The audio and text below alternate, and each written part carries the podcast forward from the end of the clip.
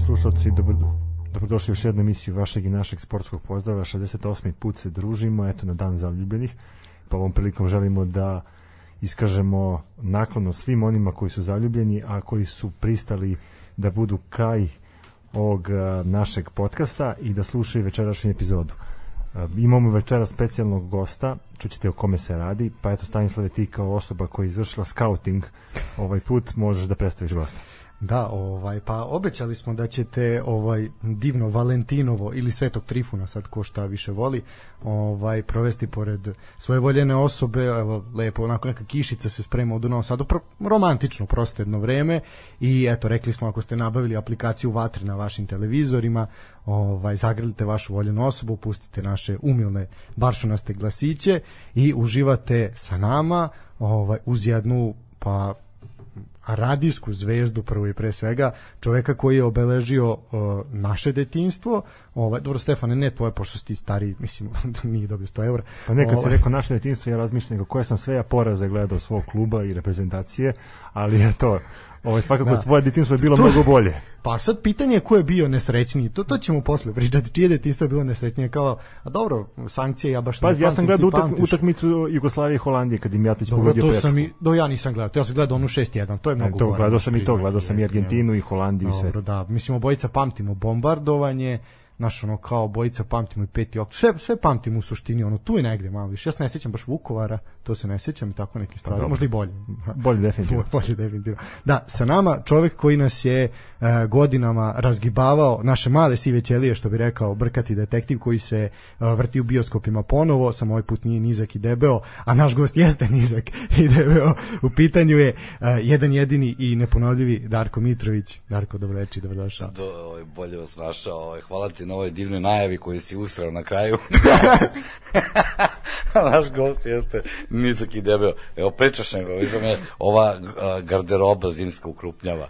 Da, da, da, nije. Nos, da, da, mi, nos, drašto mi je drago. Drago mi je što vas dvojica provodite ovo veče dana zaljubljenih zajedno iako nemate aplikaciju na telefonu, pošto si malo pre poručivo ljudima da Ali ja, ja moram da ti kažem, znači me je njegova devojka kontaktirala i rekla kao da mi moramo emisiju da završimo tačno predviđeno vreme. Dobro, svi znamo da ta devojka izmišljena i tebi i njemu. da, da, da, vidim ja, samo ne morate da se grlite se vreme, malo se osjećam neprijatno. Dirujemo se ispod stola. Tako je, hvala što ste me pozvali, stvarno mi je izuzetno zadovoljstvo što sam ovde.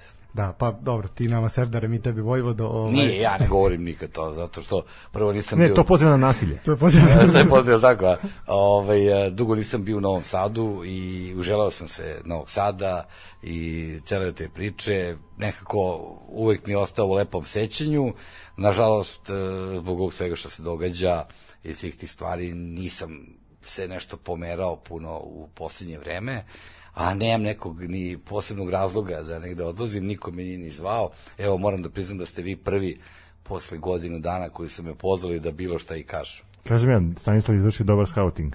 Pa da, ovaj, ja sam to... Pa šta ćeš, neko mora da radi u interesu ove emisije, interesu ove države, ne može jadan predsednik sam, mora, morao se malo pomoći. A ko će ako neće mi mladi? Još sam sad dobio postice, dobio sam druže 100 eura, još mi obećao 100, tamo negde oko mog rođendana će mi pasti. A ti si sad motivisan da radiš mnogo velike stvari. Dečko, ja sam sad spreman da vidi, vraćam Kosovo, nema tu mi smo oteli već te pare sinu, ovaj, pošto je on dobio 100 evra, tako da smo potrošili tih 100 evra. To su i moj, meni moji roditelji. Ja da čekam da uzme još 100 evra kao naš kao i Burazer ja smo dobili po 100 euro ko ko, a nama ništa, kao, po što sa šta bi ti, kao, ne razumem. Dobro, ja, ja već, ja po, pošto pričati o godinama, koje ste godište? 90.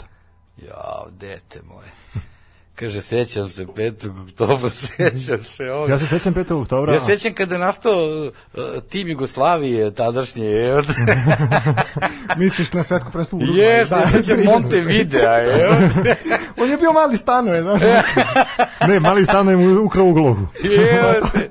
Ne, ono, znaš, ono, gledam te godine i te priče i stvarno je nevjerovatno kad tako sluša vas.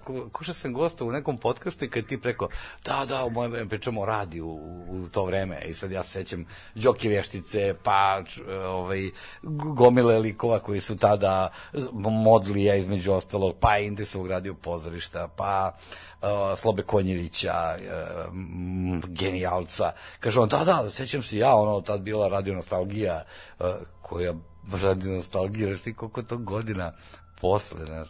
Tako da sam onako, ja čekam, hoću da kažem, penzionerski taj dodatak kojim će Vučić mene da podmiti da glasam za njega i ja da čekam to. Pa penzioneri su njegova ciljna grupa. Pa ja, to, to sam ja, to je.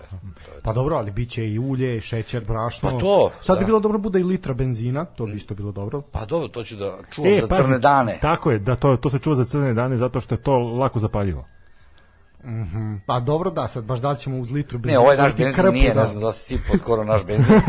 ovaj naš benzin ima toliko vode da ne možeš, iako poliješ nekog benzina, Da, ne možeš da mi je rezervoar od vode. ne, ne, Tako da eto, i onda je da čekam da glasam za njega. da, pa ja bio sam kod majstora, ovaj, nažalost, skoro i kao, pa zaređao ti je rezervoar, druže, kako plastika može da zaređa? Ko, ne, ne, pa zaređalo je kao, to je od, vo- to je od benzina, kao, kako plastičan rezervoar može da zaređa. E, Tako da, toliko kvalitetu, ovaj, ali dobro, nemoj sad, naporima vlade Srbije stopiran je rast cene benzina na 30 Mesec dana. Na 30 dana, tako Do da. izbora, verovatno. Pa da, e, onda će biti 200 dinara. i Da onda- Bog da bio 200 evra. Pa, ali opet ćeš imati ljude Ali koji opet će ti ti kupio, ti možda ga kupiš, ja ne mogu da kupim. Ti imaš Šta sad 200 to evra, ja znači? nemam Ne, 200 ne, evra. boj se, ti ovi što imaju, ne vole oni baš da daju tek tako, znaš. To će sipati ta njegova klika i ti likovi a, lopurde oko njega, ali neće baš bogataši, ne bi bili bogataši da rasipaju tek tako pare. Znaš, kao 200 evrića za gore. Pa ja sam mislio da je naš predsjednik Robin Hood, savremenog doba. Pa baš zato što je savremenog doba naš od siromašnih bogatima. Pa da, zato kažem. Kontra, da. Obrkao je ono. Kontra navoj. Kontra navoj, da, da, da, da, strašno. E, dobro, da, e, mislim, znamo da ne pratiš mnogo ovaj sport, ali... Da, a zato ste pripremili jedno 16 sportskih tema. da. ne, ne, ovaj, e, mi ćemo s tobom malo proći više iz tog nekog društveno-političkog ugla, ovo se fanovi javljaju, ja se izvinjam. moram da Ne, ne, pa to je lepo što imate fanove. Ovaj, Kod mene tišina u podcastu. ovaj, dobio si evo prozivke prve, pa rekli, rekli su platit ćeš za prozivke, ne znam ko i šta, ovaj, tako da, dobro. Ja stojim iza svojih reči. Dobro, onda- stajaću ja iza tebe. Kao na glisuri. Ti vidim nemaš fanove, to.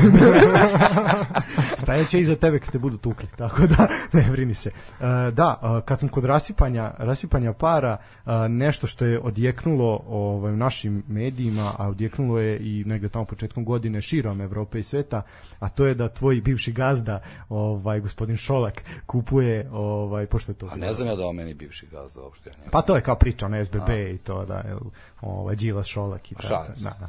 Ovaj e, da je jel, znamo da je kupio Southampton, to sve je ispraćeno i sad onako počinje da se širi njegova akvizicija i na naš region. Kupuje premi, a naš region. Na naš A rekao, region. Kupuje premier ligu. Ovaj kupit će Istru, Istra 1961, eto klub HNL-ovac iz a, Pule, a, poslednji srpski klub neki će reći, a onda opet tu još Voja Šešelj pokaže da su svi klubovi tamo srpski. Ovaj tako da a, imamo kako kako to deluje tebi to rasipanje para, ako je rasipanje para i ta E, Meni ali to uopšte- nije rasipanje para, to je ulaganje. Da, ali uopšte ta prozivka koju odmah je instant krenula prozivka svih medija, sednica vlade, uh, predsjednik je imao konferenciju za medije povodom Diže toga se što je borbena gotovost. Biznismen kupio ovaj akcije fudbalskog kluba. Pa mislim, dobro, oni moraju da 3000 skrenu pažnju sa onog što oni imaju i ono što su oni pokupovali ili rasprodali, bolje rečeno. A prodali su čitavu Srbiju, uključujući i nas kao jeftino, a, a, jeftinu radnu snagu, odnosno roblje. I onda da bi ti skrenuo pažnju sa tih stvari, naravno da mora da napadaš tamo nekog biznismena čije je pravo na kraju krajeva da kupi šta god želi za novac koji ima, osim ako nije nepošteno stekao, a ako je nepošteno stekao, postoji valjda zakon, pravo, policija, tužilaštvo, da ga onemogući u tome.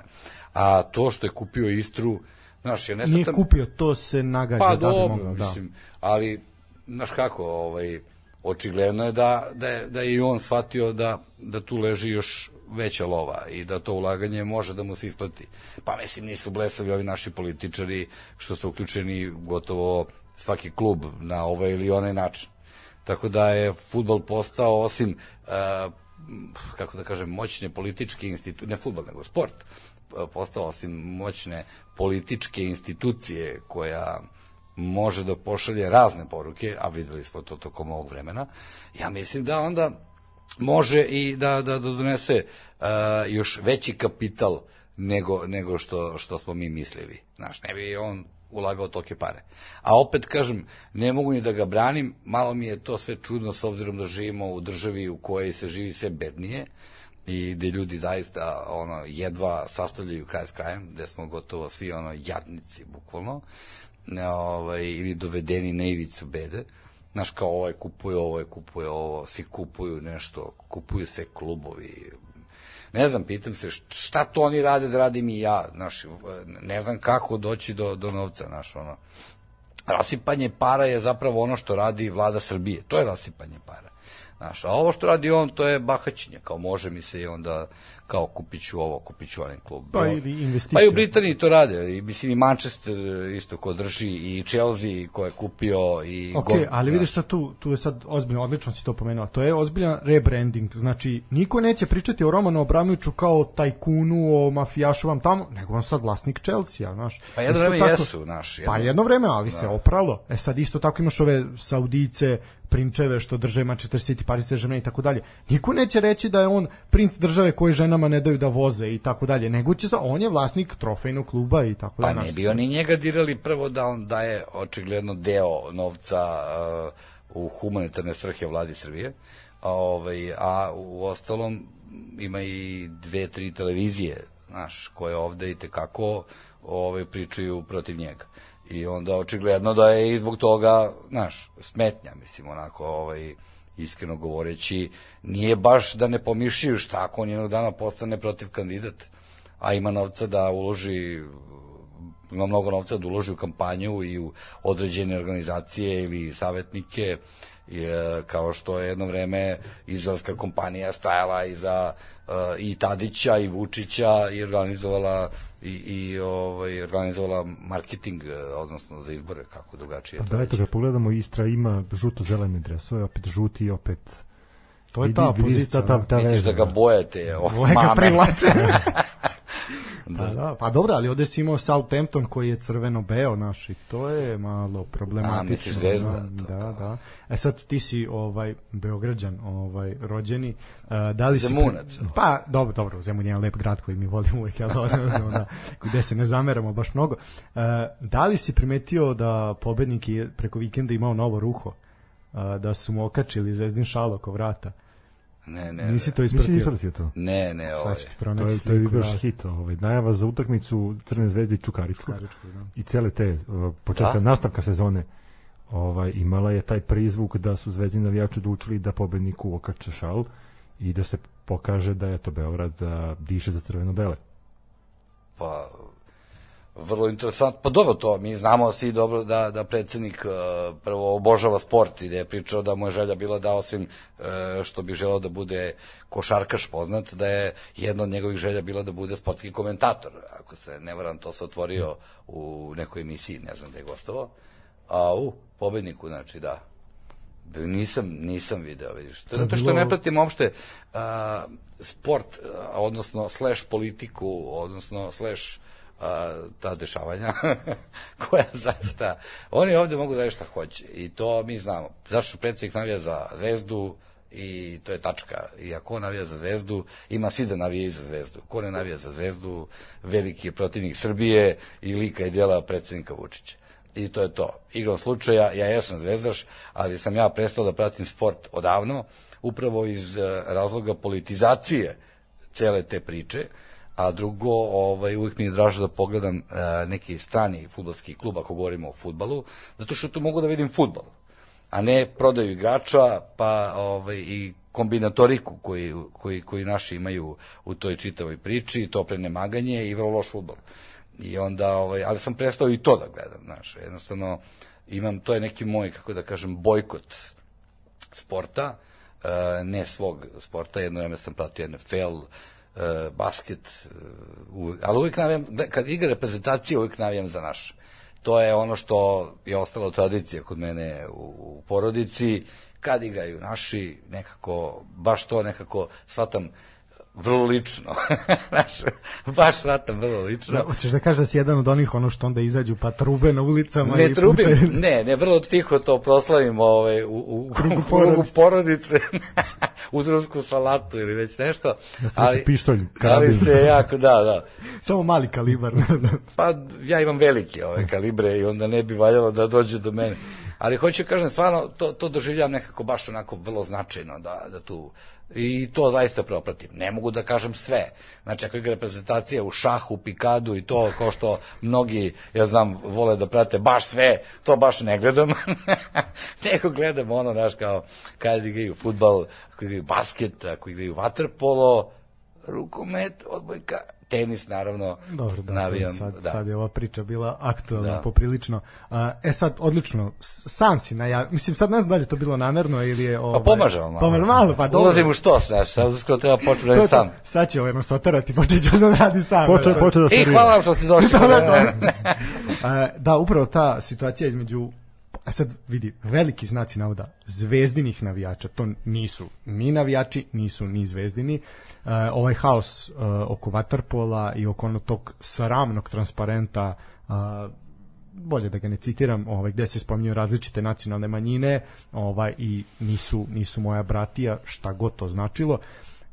Nažalost, jedan proslavljeni uh, prvo čovek je igrao za našu reprezentaciju, mislim, nakon što se Jugoslavija raspala. Znači, bez obzira što je cr, prajde crnogorac, a drugo on je Hrvat iz, iz Boke, jel? Da. Poreklom, znači ostao je da igra i za ovu malu Jugoslaviju, SRJ, kasnije SCG, prvi crnogorac u kući slavnih vaterpola, znači čovjek je igrao za našu reprezentaciju, Pritom čovjek koji je ostavio jedan veliki trag u, u Waterpolu. znači vidi po kući slavnih i to Da, je to čuo sam, čuo da. sam za to, ovaj i onda dođe dve pa ajde recimo 150 200 majmuna ovaj figurativno majmuna ovaj i iz, istaknu takav transparent koji se taj isti transparent se više puta to nije prvi put da se pojavljuje pojavljivao se Alenu Omiću 2018. godine recimo i tako par puta kad je pro- Pojavio se Medinu Kikanoviću. Tako je, pojavio se kad je Prosinečki teo da dovede Kramarića i tako dalje i tako dalje. Znači, po potrebi neko kaže, e sad izvucite to, ovaj, da se napravi cirkus. I ono što je meni najtužnije, što ni jedan igrač, ni jedan trener, niko nije izašao i rekao, alo ljudi šta radite? Zašto? Niko nije stao u odbranu tog čovjeka. Pa ako, ako ćemo prvo o tome, prvo ta solidarnost uh, sa nekim, to je odavno negde, kako da kažem, zakopano i to više ne postoji. Znači, ja ne bih rekao da je tu strah u pitanju, nego čista računica uh, ljudi, naš, uh, zato što računaju ako podrže njega, moglo bi to meni da se dogodi, a onda bih mogao da, mogli bi mene da sklone sa ovako udobne pozicije u kojoj se nalazim. To je moje mišljenje što se tiče te podrške jer takvu podršku recimo koji sam ja isto mogao da dobijem u jednom momentu od mojih kolega, apsolutno izostala. Tako da mogu da zamislim kako je tamo gde vlada veliki interes. Što se tiče tih uh, likova koji su istakli takav transparent, oni to nisu radili sami, mislim, da se mi ne lažemo. To je instruisano i to je, dakle, jedna instrukcija uh, i kad god su ta neka teška vremena, to sam primetio, pošto sam mnogo dugo na ovoj planeti, a mnogo dugo sam i u ovoj Srbiji i već vidim jedan pattern koji se ponavlja ovde na svakih 10-20 godina, e, zapravo 20 godina ako smo srećni, ovaj, e, događa se, događaju se iste stvari. Znaš, mora da se podigne nacional patriotizam, mora da se proširi mržnja, mora da se napravi tenzija i veštački konflikt, koji zapravo uvek postoji. I da se to održava onako, naš, da ta vatrica uvek tinja. Znaš, za zlu ne trebalo. Ako dođe do momenta padanja slasti, da imaš šta da uhvatiš i kako da reaguješ. A najbolja reakcija ljudi je, e, mislim, najjača reakcija ljudi je strah. I onda ih držiš stalno u strahu i u mržnji. Jer ta mržnja i taj strah ti dozvoljavaju da živiš zapravo svoj život i da shvatiš da je to što je urađeno jedna apsolutna glupost. E, Da ljude e, delimo na ove i one, pa prvo predsednik Vučić, koliko ja znam, ima u vladi Anu Brnabić, koja je, ako se ne varam, iz Hrvatske. Tako je. E, onda i još neki ljudi, sad ne mogu da tvrdim tačno, ali sećam se Jana ovaj, Udovičića. Jeste, E, da da on. je menjao ime, da, zbog Jeste, pritiska, promeni sećam ime i tako dalje. Znači ima dosta ljudi. Što je meni lično apsolutno i nebitno. Meni je stvarno to nebitno. Meni, ja ljude delim na dobri loše. Znači, ako ću tako da gledam, meni su više zla naneli ljudi, moji ljudi, odavde, nego bilo ko drugi. Čak i u Africi, gde sam proveo šest i po meseci, a, tamo ti neki ljudi odatle, dakle, kako da ih nazovem, divni ljudi, dakle Afrikanci, su mi pomogli pre nego uh, moj prijatelj koji treba da me sačeka, koji me na kraju nije ni sačekao. Šta hoću kažem? Uh, to isticanje transparenta, naravno, nije samo blisko nama. To isto rade i u Hrvatskoj, to isto rade i u Bosni i Hercegovini, to isto rade i u Albaniji, gde god, nije bitno, u Crnoj Gori. Znači, kao da su svi seli dogovorili se i rekli sad ćemo opet da dižemo tenziju kao onih prokletih 90-ih koje sam ja takođe prošao, ja sam 92. bio u vojsci, 93. Ovaj, i iste stvari identične se događaju. Međutim, mi smo previše glupi da shvatimo šta nam oni rade. Znaš, taj seks koji oni imaju nad nama, da se tako fino i subtilno izrazim, mi nikako da provalimo da ne treba da se meškoljimo i da se nameštamo, nego da treba da uzvratimo tako što nećemo mrzati nikoga nego ćemo pokušati da gledamo i da budemo bolji ljudi, samim tim i bolji, e, stavit ću po znake navoda, bolji Srbi, tako što ne znači patriota a, nužno i mržnja nekog drugog, e, niti bilo kakva osveta za nešto. Znaš, ja mislim da svako od nas treba da e, gleda da bude bolji čovek, samim tim je e, bolji građanin ove zemlje, samim tim si bolji reprezent ove Srbije. A isto to smatram i za ostale kažu neki, znaš, ne trebamo ni da gledamo kao šta rade drugi, treba samo da vidimo, ovaj, da gledamo svoje dvorište. I to isto mislim da je malo netačno. Treba da gledamo u tuđe dvorište. Mislim, pak su to naše komšije. I njima treba neko da skrene pažnju, ljudi, nemojte to da radite. Znaš, ali kao ostavimo to njima. Znaš, I onda su ljudi malo kivni, a onda ta omladina koja zapravo nema neku soluciju da negde uh, ode ili da nešto učini od svog života, ovaj, šta im drugo preostaje nego stadion, divljaštvo, nasilje, mržnja. Znaš, kad samo to gledaš oko sebe, šta ti to možeš lepo da pružiš? Znaš, ako staviš ljude u lepo okruženje a, i pružiš im nešto normalno, ja verujem da će svako normalno biće da se prilagodi tome. Pa to je ona Rambova priča o platama i ono. Eto recimo, to to, eto da, recimo to, da. To je to. I jednostavno, danas sam slušao jednu interesantnu misao jednog a, indijskog a, filozofa, zaboravio sam mu ime, ovaj, baš je Joe Rogan okačio to, koji je rekao da zapravo e, je danas jako popularno patiti, naš, i da je to postao trend, a zapravo patimo e, ili zbog prošlosti, ili patimo i bojimo se e, šta će biti u budućnosti, Tako je, a nikako zbog ove sadašnjosti. A mi nekako smo prestali da živimo sadašnjost, naš, nemamo je. I, i a, znaš, budućnost da će biti, neće biti, to već ne znam, ali ja mislim da sada gradimo neko bolje sutra. Ako mislimo da, da ovde na ovim prostorima jednom za svagda stavimo svi- tačku na, na, na to zlo koje je tada učinjeno i jednoj i drugoj strani, i nama, i, vera, i njima. Znaš, hoću da kažem da bi trebala ta mržnja da se zaustavi na nečemu. Ali ne, ovde se sad produbljuju. E, prebrojavaju se krvna zrnca, koje odakle, e, odakle ti je majka, odakle ti je otac, odakle ti vodiš poreklo, odakle... o. Ja, ja verujem da kad bi pročešljali samo te iste ljude koji to pričaju, da bi tu našli zaista gomilu ljudi ovaj, koji imaju, kako da kažem, poreklo i odavde i odande. Znaš, ja imam zaista, kako da kažem, puno drugova i drugarica od drugova i drugarica kao da sam na centralnom komitetu Saveza komunističke Jugoslavije. To te zastava ponela. Da, malo me, malo me ponela me ova zastava kod Daške i mlađe u studiju.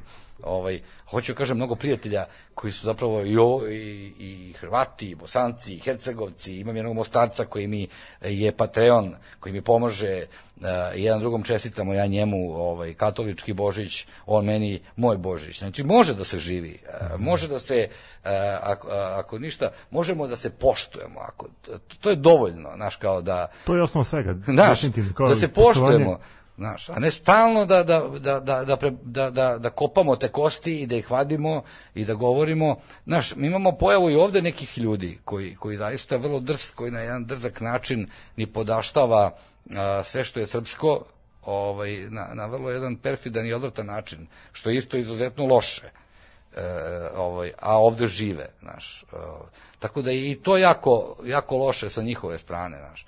Smatram jednostavno da bi svako od nas trebao da bude prvenstveno čovek, prvenstveno čovek, ljudsko biće, pa tek onda sve ostalo šta on voli da bude. Ja recimo, kako da kažem, uh, nisam neki nacionalista, ne mogu reći da sam patriota, osim u situacijama kada neko baš nešto napada moje, pa sam onda uh, revoltiran zbog toga. E onda imam potrebu da branim. Ali ovako zaista nemam potrebu nikog da napadam, niti mislim da to razlog način na koji bi to trebalo da se radi.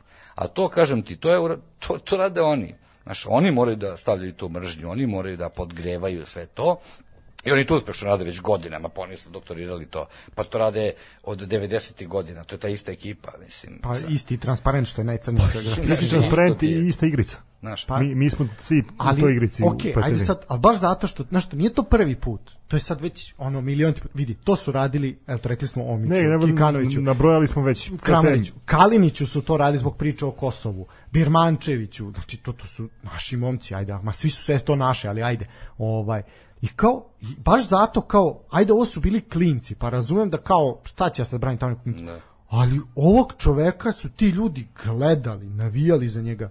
Tu je prisutan već 30 godina. Dao je znači, čovek je pristao da ostavi uh, siguran angažman u Crnoj Gori, da dođe, da pomogne toj Crvenoj zvezdi da izađe iz kolapsa gde se trenutno nalazi. Ali kapiraš da više ne postoje legende da kao da je došao, došao neki moment u kome a, e, svako ko je učinio nešto značajno treba da bude obrisan jer treba da dođu neki novi naš uh, ka, kao da imamo brisanje istorije, kao da imamo uh, pa troše se, troše jedan se, reset. Da, da jedan, imamo reset, bukvalno. Znaš, niko ko je nešto učinio više ne predstavlja ama baš ništa Pa, nikome. To smo imali situaciju sa Savom Miloševićem. Imali smo evo i sa da. Goranom Markovićem. Ma može bilo ko da, da bude. Da, to sam Isus Hriza dođe rekli bi, alo što će ovaj padavičar čupavi, taj bre, o čemu se radi, ko je on? Znaš, e, mislim da je došlo to vreme gde, gde, gde ovaj, je potpuno više nebitno šta je ko učinio.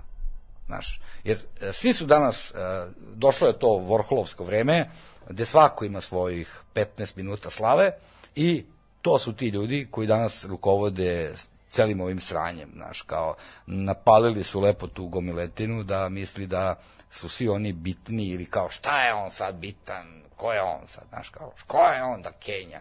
Ko što me pitao lik, ja sam rekao da dajem uh, sutra između ostalog isto i, i za jedan kanadski podcast intervju, kao, a ko si ti?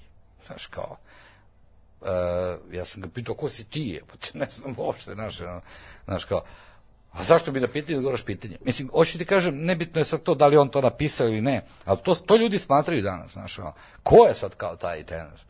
Ko je ovaj Dudivković? Ko je ovaj izvini? ko je ne znam ovaj Rasplam se, se. Znaš, ne, ne vjerujem to što više naš ne cenimo nikoga i ne poštujemo ništa.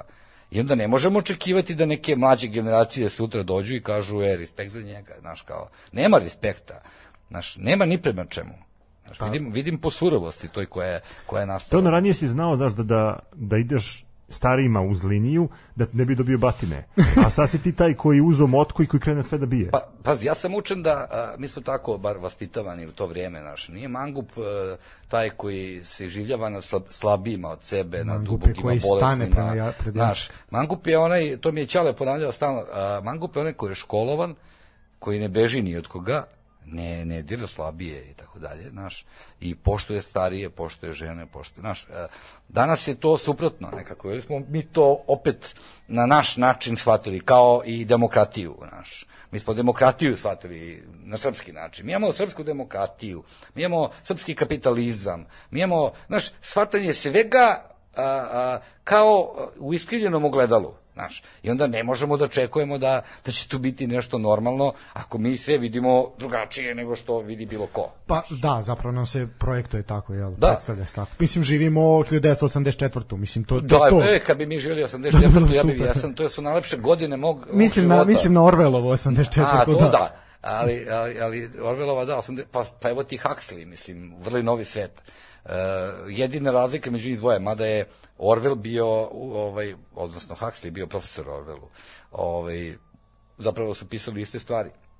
Uh, osim što je razlika jedina bila u tome da je Orwell govorio da ćemo da će nam biti uskraćene informacije. A, i da, da ćemo dobijeti na kašičicu kao to. A Huxley je tvrdio da ćemo biti zatrpani informacijama, da nećemo znati više da razaznamo šta je istina, a šta nije. A okej, okay, ali sad vidiš kad pogledaš, obojica su u pravu. Ti jesi da. zatrpan, a inf, e, prave informacije da. dobijaš ne, na kašičicu. Da, ne dolaze da. do tebe. A šta misliš, zbog čega je ta informacija recimo izašla na tom portalu? Upravo zato ja lično smatram, mogu da me nazovu teoretičanem zavere, ali ipak oni kontrolišu šta će to da se pojavi u medijima a i je, internet je medij. Pa naravno, ako pogledamo, znači, znači, koje se medijske ličnosti danas propagiraju Pa evo ti, samo to što mi to pričamo to, o da. tome, to je dovoljna propaganda, to uh, uh, ide u prilog tome. Znaš, znači postoji, znači, uh, normalan čovjek sagledava to ovako, aha, znači ipak postoji neka mržnja i dalje.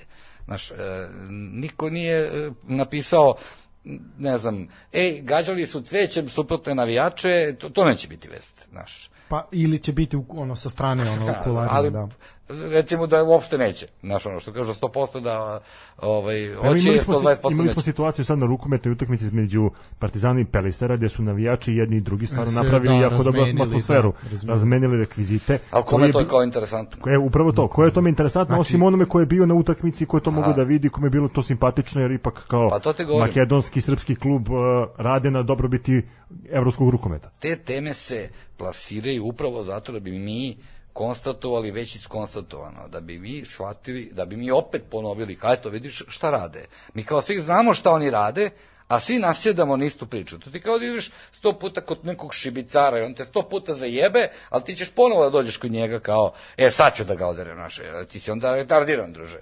Razumeš? Znači, to se jednostavno plasira upravo zato da bi a, time rasplamsali možda i one tamo, a možda još više ove ovde. Znaš, poruke neki se kriju tu, ja ne znam ko je sve, ja se sad ne ulazim toliko duboko, ali onako kao negde, kao like koji se, uh, znaš ako ja uh, ovaj, tumačim vesti. Pročitam vesti sa svih strana i onda čitam između redova. Pošto ne verujem apsolutno nikome što se tiče toga. I sve dovodim u pitanje. Mislim da to je jedini način da, da spoznaš svoju istinu. Da, evo sad pravi primjer, na primjer recimo ova vest se pojavila u apsolutno svim novinama, portalima i tako dalje. Znači imao si večernje novosti koji imali jedan tako sraman tekst da bi osnivači večernjih novosti, oni pravi, uh, bili zgranuti. Da. Znači šta su, kako su oni preneli. Imaš, znači imaš tu stranu kao to je to, bliska vlasti, znači nećemo puno da komentarišemo, desilo se, moramo, veliko je, huge mora se objaviti, ali ok, držimo se po strani. Imaš ove opozicione, jel vidiš ovo, ovaj, koji portal je u pitanju, mislim mogu kaži meni jedan je u pitanju, koji je to napao, sad ćemo, sad je ovo, znaš, to je to, idemo, idemo opozicijono. Da, istina je negde između, ali je problem što taj narod koji je bio tamo nije prišao i rekao, alo ljudi, Kako će prići? Ko bi prišao? Pa imali smo situaciju letos na Partizanovom stadionu kad je krenulo skandiranje predsedniku, kada je narod uzvratio i rekao, ajde više dokle. Prešli su momci, sad ne znam da li si to ispratio, to isto bilo halabuka se digla. Leto je bilo kvalifikaciona evropska utakmica, mi smo bili prisutni tamo kad je krenulo jel skandiranje ono Vučiću pa gej orijentacije, ovaj što ja mislim da je to najgluplje nešto ikad što je neko smislio i krenuo onaj lik na RTS što ono iskočio, mislim to je suludo bilo postoji bolji način da se on vređa ako ćemo ga već vređati nego to uh, i Vučić u šećeru. ovaj i onda su preskočili momci sa južne tribine, isto tako jel, ovaj koji su tu da, da brane da se ne sme pričati protiv predsednika i krenuli da jel ovaj uteraju disciplinu da bi običan narod uzvratio i oterao ih. Da. Ovaj tako da ipak ta moguće je to nešto, moguće neki odgovor nešto. Samo da su ono li, poznate ličnosti, samo da su igrači izašli i rekli nemojte da dirate trenera. Ali vi sad mi nismo dobili nikakvu vest iz Crvene zvezde. Ne, to se prečutalo jedan kroz jedan. Da. Znači, klub nije stao iza trenera, pa to igrači pričam. nisu stali iza trenera. I šta normalno šta čovjek se da pokupiti i pa da. otići, mislim, šta, čemu da priča? Znaš što ti ona priča kao ono e, što su tad rekli, da je bik koji sedi samo ustao. Znaš, to ti je ta varijanta. Znaš, šta bi bilo kad bi bilo. Znaš, uh, ljudi su zastrašili, znaš, a to su opet oni nama prikazali šta može da se dogodi ukoliko ovaj, uh, se suprostaviš takvoj jednoj sili. Sve to poruka. Znaš, one fotografije užasavajuće uh, ovaj, su poruka. Tako da kad ti se setiš te slike I da li meni to treba, ja mislim da svaki čovjek koji je normalan, mislim, osim ako nije lud, će reći, druže, neka. Znaš, ne bi da se ja mešam u to. Znaš, strah je moćno oružje. Mislim, to su postulati propagande. Mislim, to su tako proste stvari, ali koliko god bili svesni te propagande, propagande ovaj, eh, ne možeš ti tu ništa, znaš, kao, ne, eh, ne kažem ne možeš ništa, ne možeš ništa kao pojedinac i ne možeš ništa kao grupa neka mala. Možeš, ako si, pa evo ti Francuska recimo, evo ti, Francuzi su poznati po tome što su zaista jedna dobro organizovana skupina i, i ima ih dosta i da izvinete na izazu ne jebu živu silu. Pa opet budu ugušeni bez obzira na brojnost i bez obzira na sve. Naš pimeni si još veća sila. Naš očigledno je da je došlo vreme da je prošlo zapravo to vreme uh, u kom sam ja rastao kad kažu držte lopova, pa svi ga vijeju, naš ceo Beograd skoči da, da, da, da savata lopova i da pomogne policiji. Znaš, ništa više nije isto. Ni ta policija, ni taj narod, ni mi i jednostavno naš moramo da iskonstatujemo jedino jedino rešenje da svako krene od sebe da, da nešto ti uradiš sam što će promeniti ovo na bolje znaš, jer e, dogod ljudi imaju potrebu da gledaju tu stranu zadrugu, dogod ljudi imaju potrebu da čitaju novine kakve su informeri i tako dalje, tako dalje, oni će to štampati, oni će to praviti. Kada ne bi ljudi to tražili, kad ljudi to ne bi gledali, veruj mi da bi puštali ako treba uh, simfonijski orkestar. Znaš, To je bila ona priča kad su bile Senke nad Balkanom aktualne na RTS-u, kao, kao, jo, kao nismo očekivali, to je neko na RTS-u izvalio, kao nismo očekivali takvu gledanost. Pa vidi, u moru Radoša Bajića, što je Jest. krš, a realno, ti kad ponudiš nešto kvalitetnije i nešto kvalitetno, pa normalno će narod izabrati kvalitetnije, pa, jest. ni narod muta, ali moraš mu dati izbor. pa narod traži tiku špice, evo ponovo jebote. No, mislim, to, to, Ponovo, to, znaš, lele, lele, ponovo je.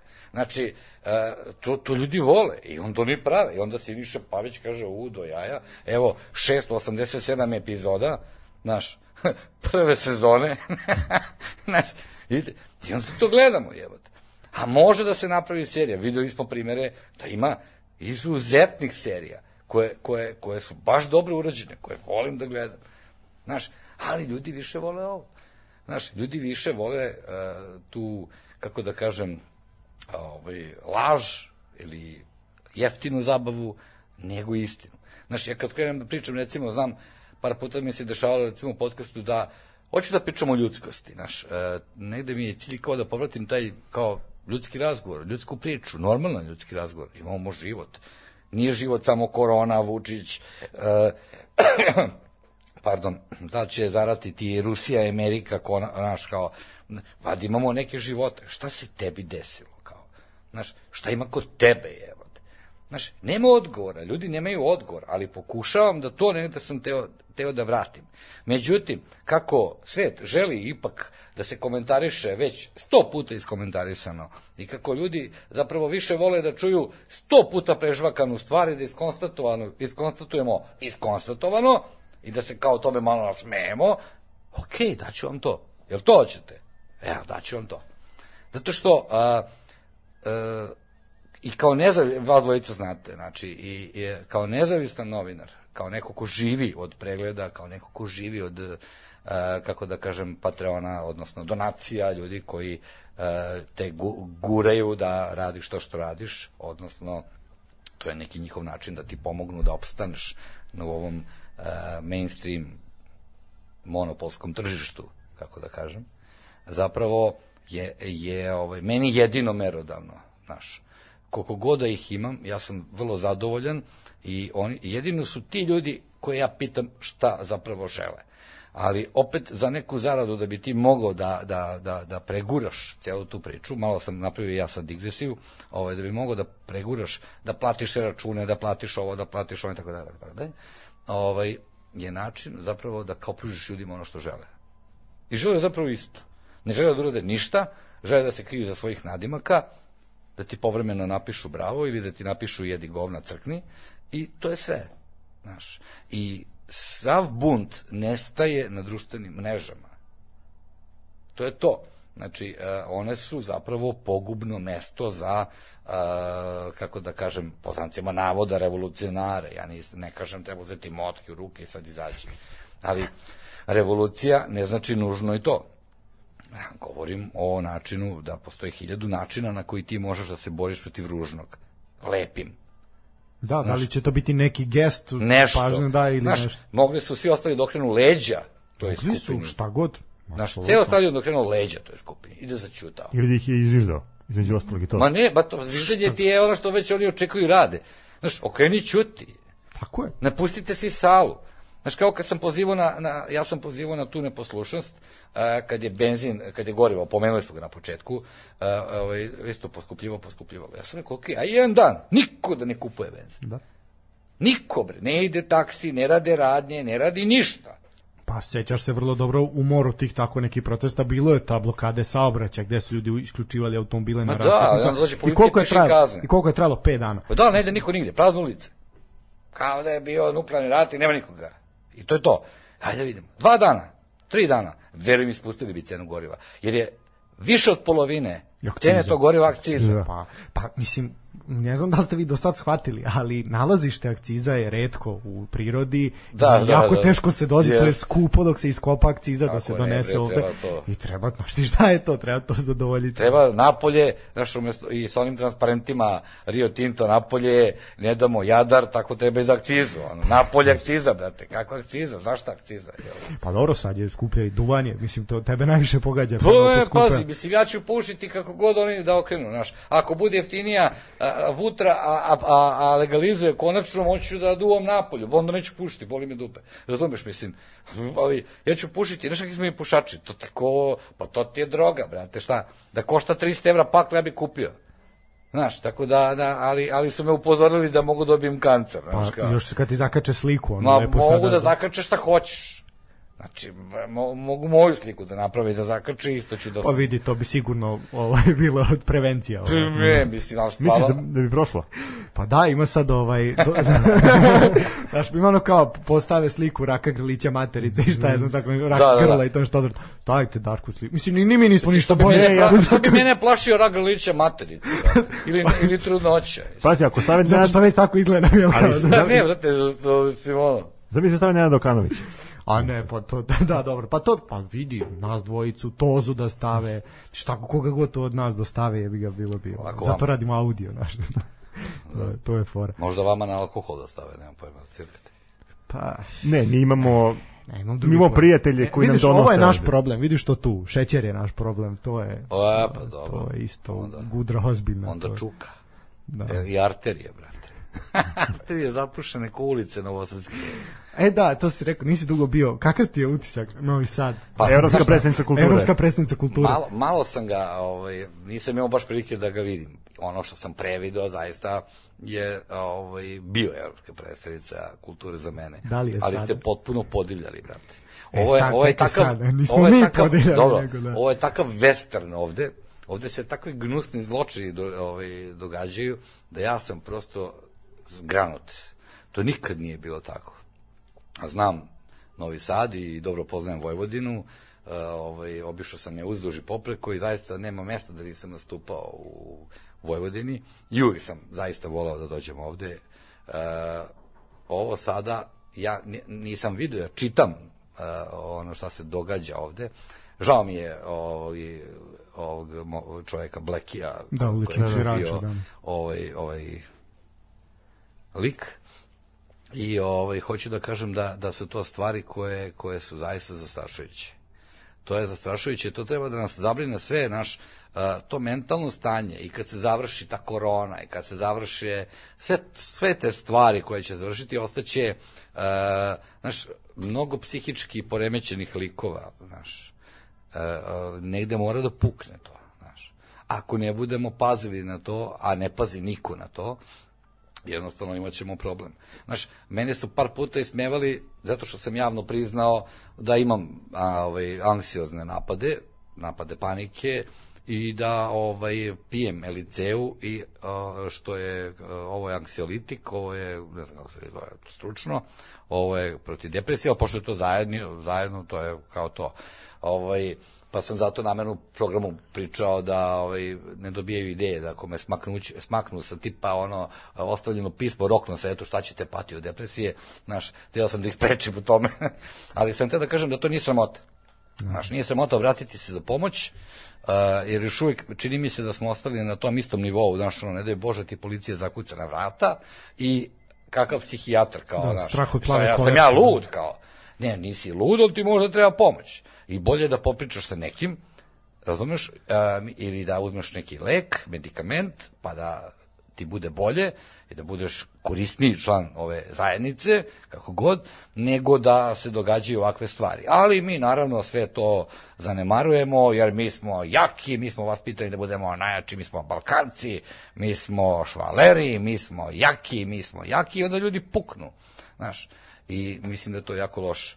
Pa to Mi je imamo tu situaciju, znaš kao, mentalitet, uh, pročitao sam pre Da, neki dan palanački. jedan podatak koji je meni bio zastrašujući, da oko milion i po građana Srbije ima probleme sa zubima.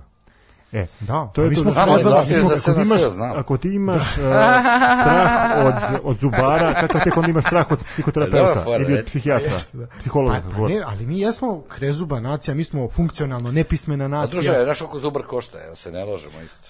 Pa dobro, okej, ajde, ali Drugo, ako- ako si u nekom selu, znaš, ti, ti dobijaš Dobro, asfalt, pa ljubiš asfalt, znaš. pa imao si da intervju one Pa mi nemamo da. kanalizaciju u Beogradu celom.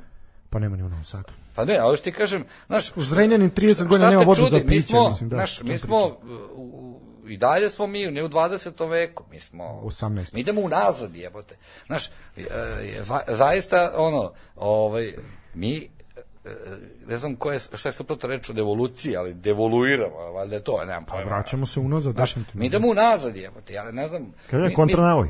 Kontranavod, Pa da. kontra navoj, zato što su nas tako navikli, znaš, ja se sećam tih snimaka kad ljudi dobiju struju ili asfalt ili nešto, znaš, kao ovaj nagovara, kao, ej, glasajte za mene, ja ću vam asfaltirati ulici, onda oni kao glasaju za njega. Pa idi bre u pič, pa moguće je, evo. Moguće. Znaš, mi nemamo osnovno. Darko, o čemu pričamo? Zrenjaninska opština, 30 Evo godina, vodu, nema ono. vodu, nemaju A, vodu. Ja sam video snimke, te puštao sam u programu, Mi ja smo sam puštao. bili tamo, ja sam imao tu sreću da sa svojom bolnicom idem na terenski rad u Zrenjaninu, Sečanju, svu tu, celu tu opštinu smo pokrivali i oceli smo u hotelu, mislim da smo pričali u podcastu, ajde ukratko samo, oceli smo u hotelu, pošto sutra nastavljamo preglede, mi smo se istuširali tom vodom, mi smo smrdeli na rđu, osjećam se se kao zarađani šraf, znači to je jezivo. Kao tvoj rezervoar. Meni je, ali ja sam bio jednu noć tamo pa mi je bilo jezivo. Ti ljudi žive 30 godina tako, nemaju vodu za piće. Znači, to- to je strašno. I da ništa, i to se živi tako, pa do, to je tako. Kao. Pa da, bunili su se oni za njenju, nije da Pa nisu. jesu, i šta su A, radili? ovaj, ali, znaš, ove boli dupe, niko neće da učini ništa i jednostavno, ovaj, kao mi to prihvatamo, pa tako je. Znaš, kao, pa, pa tako je. Znaš, ovaj mi sazido kuću ispred kuće. Znaš, kao, pa jebi ga, možemo. Ovaj je uradio ovo, pa dobro, šta ćeš, ovaj je parkirao na šinama, pa je. Znaš, i sve tako, i zato tako može, nego kazne. Ali kad vidimo ko da sprovodi kazne, zakon imamo, samo niko ne sprovodi. Dođe policajac ako vidi da to neki tip, znaš, on, znaš, nije baš raspoložen da žrtvuje kao svoje radno mesto milicionara. znaš, kao Da, da, kao nemoj, brate, naš da, da, da. Ovo ti u Zrenjaninu fazu Marija Antoneta, ako nemate vodu, pite pivo, ali su mi pivo uskratili. I imali su, da, bitno su imali pivaru, pa sad da, i to je, i to je prestalo. Pa ne, pa to je strašno. Znaš, mi, ono što se nama događa, mi živimo horor. Evo te. Dišemo najzagađeniji vazduh na planeti, pijemo najotrovniju vodu što može da postoji, e, znaš, i nikom ništa. Znaš, neki drugi narod koji, znaš, ja sam mislio zaista da su mlakonjeti Finci, Danci, Norvežani, ne znam, ja, Nemci, Austrijanci, pocenjivao sam zaista te, te ljude, što mi je jako krivo, jer sam zapravo shvatio na kraju da smo mi jedini koji čutimo na sve. U, u Iranu su se pobunili zbog toga što su uveli naplatu za Whatsapp. Izašlo je milion ljudi na ulici. A ovde diše ti dete, evo te, olovo, pijeti tu vodu, e, zarđal, tu rđu, i niko ništa. Znaš, I samo se sete svi pred izbore da budu veliki, ekološki, a, osvešćeni e, likovi i čim prođe to zaboravi se, znaš. Opet ćemo biti iznad, mi prvi pa onda Hong Kong ili već ko je najzagađeniji. Znaš, i nikom ništa. Ovde se samo sere pred izbore, razumeš? I to je ono što mi smeta. I zato ja nisam ni na jednom mainstream mediju, zato što ja volim da kažem ono što mislim. I to ne odgovara ni jednoj ni drugoj strani. Znaš. hvala ti, očigledno nećemo ni mi biti, ovaj, tako da... Ajde, dok sam kinuo tri puta, niste Pa ništa, ništa, ni mi, radili. mi ovde seremo, ali nemamo ni kanalizaciju. Ali dobro, neka, neka u ruku, pa onda u... Pa čoveče, poljski WC, pa kanalizacija, e, bre, jebo. Pa ri, Rimljani, stari Rim je imao, jebote, to mi još uvijek nemo da seremo. Ali vidi, Je li moguće? Ali mi smo takav narod. Znači, u nedelju sam bio u Staroj Pazovi. Isto sam radio. I gledam, imaš lift, imaš stepenice. Jedno pred drugo. Znači, i svi, a pred tom lift nije za osoblje, nego je za sve. Svi su išli, sedim i gledam. Svi su išli stepenicama. Ja kažem, pritom nose kutije, nose, svako nosi nešto u ruci. I kažem, jebote, pa u starom Rimlju je izmišljen ovaj lift i niko, svi, voli naš narod da se E, pali. ali kod mene su u zgradi napisali da lift može se koristi samo ovaj, u te svrhe nužde, da, da, da čovjek sebe preveze sa jednog sprata na drugi, ali ne sme da koristi da nosi nešto teže i da ga zloupotrebljava Pa znam sva potrebe. Stefane, ali ne, nisu ni nosili, narod, da. nisu ni nosili ormane, nek su nosili dve kese, razumiješ, ali šta A, god, i zašto bi se pazi, penjao to je. 50 I- stepenica, a Ima, ne, ima knjiga uh, Dušana Miklje, Hronika nastavnosti, i on govori o podaničkom mentalitetu, najviše. E, te podanički mentalitet će nam glave doći. Znaš, uh, ovaj, mislim da mi to imamo u svom genu.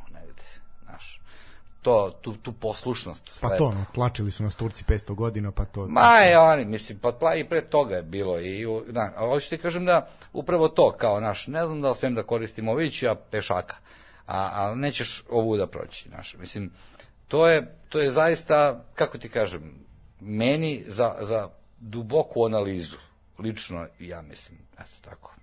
Dobro, idemo na kratku muzičku pauzu ili stanku, što bi Tamo da rekli. pokušim na terasi. Može, dobro, da, ima ženskog roda, mi saista nije u redu, to možemo i kad budemo sami. Ovaj, Kako ste vas dvojica pokvareni večeras, to je strašno.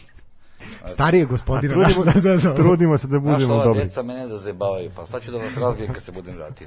Dobro, ovaj, pošto si ti stariji gospodin, može malo panka, može to. Uf, da može? Kako ne bi Da moglo? li može? Je. E, ništa, slušamo Ramonse onda. Uživajte, čujemo se.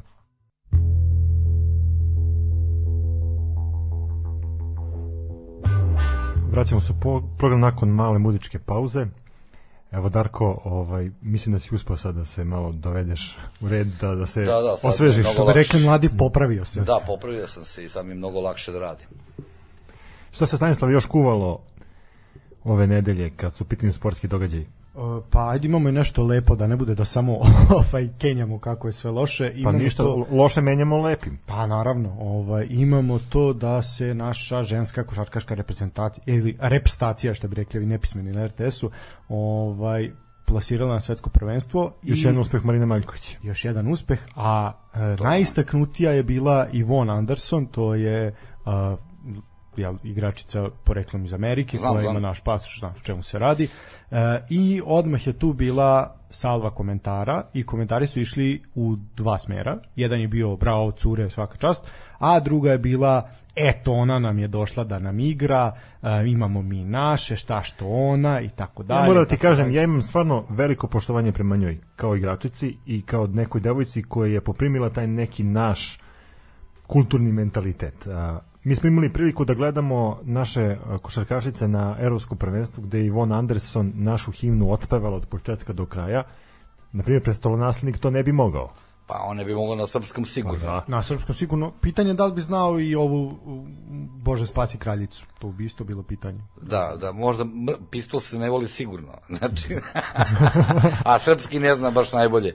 A dobro, tu je on malo, to je on to zapravo 30 godina. Anarhista, kada anarhista u telu. Da, da, da, da, da. Anarhista u telu čvarka. Ali re, reši da menja, znaš, na primjer, pogledaj njegovog sina koji je uspeo da, da poprimi nešto što niko nije mogao da poprimi i da krene navije za Crvenu zvezdu. Pa je Crvena zvezda, ne znam da ste to vidjeli, Crvena zvezda je ugostila a, njegovog sina, princa Filipa, ali tako, Fi- da mislim zove princ Filip Karađorđević je bio u zvaničnoj poseti Crvene zvezde i meni je ono najjača bilo uh, slika gde se slika ispred zvezdinog grma sa svetlitokrakom. E, to je meni bio hit ovaj, dosta dugo vremena i to je možda čak i, i obeležilo prošlu godinu kao jedan od ono najbizarnijih stvari koje ste mogli da vidite na, na Još srpskim bizarnije od toga je što je pored te petokrake stoji Sveti Sava. Znači ono totalni gulaš od svega je napravljen i paprikaš. E sad, uh, ona priča što smo ti imali prošli put da se planira promena grba i izašla i u večernjim novostima. Uh, ne znam koliko si video, hoće da ima uh, Neko je predložio da se modifikuje grb Crvene zvezde tako je da se skine petokraka da se skine i da petokraka se stavi Karadžorđeva zvezda. Pa, a, aha. Znaš kao, raskidamo se. Ali pazi, to ima vezi sa njegovom posetom, znaš. Može da se provuče. ne znam, ja sam baš protivnik e, tog stalnog menjanja ulica, naziva, brisanja istorije, poništavanja svega. Meni i dan danas nije jasno zašto su neke ulice obrisane, zašto poništamo našu istoriju.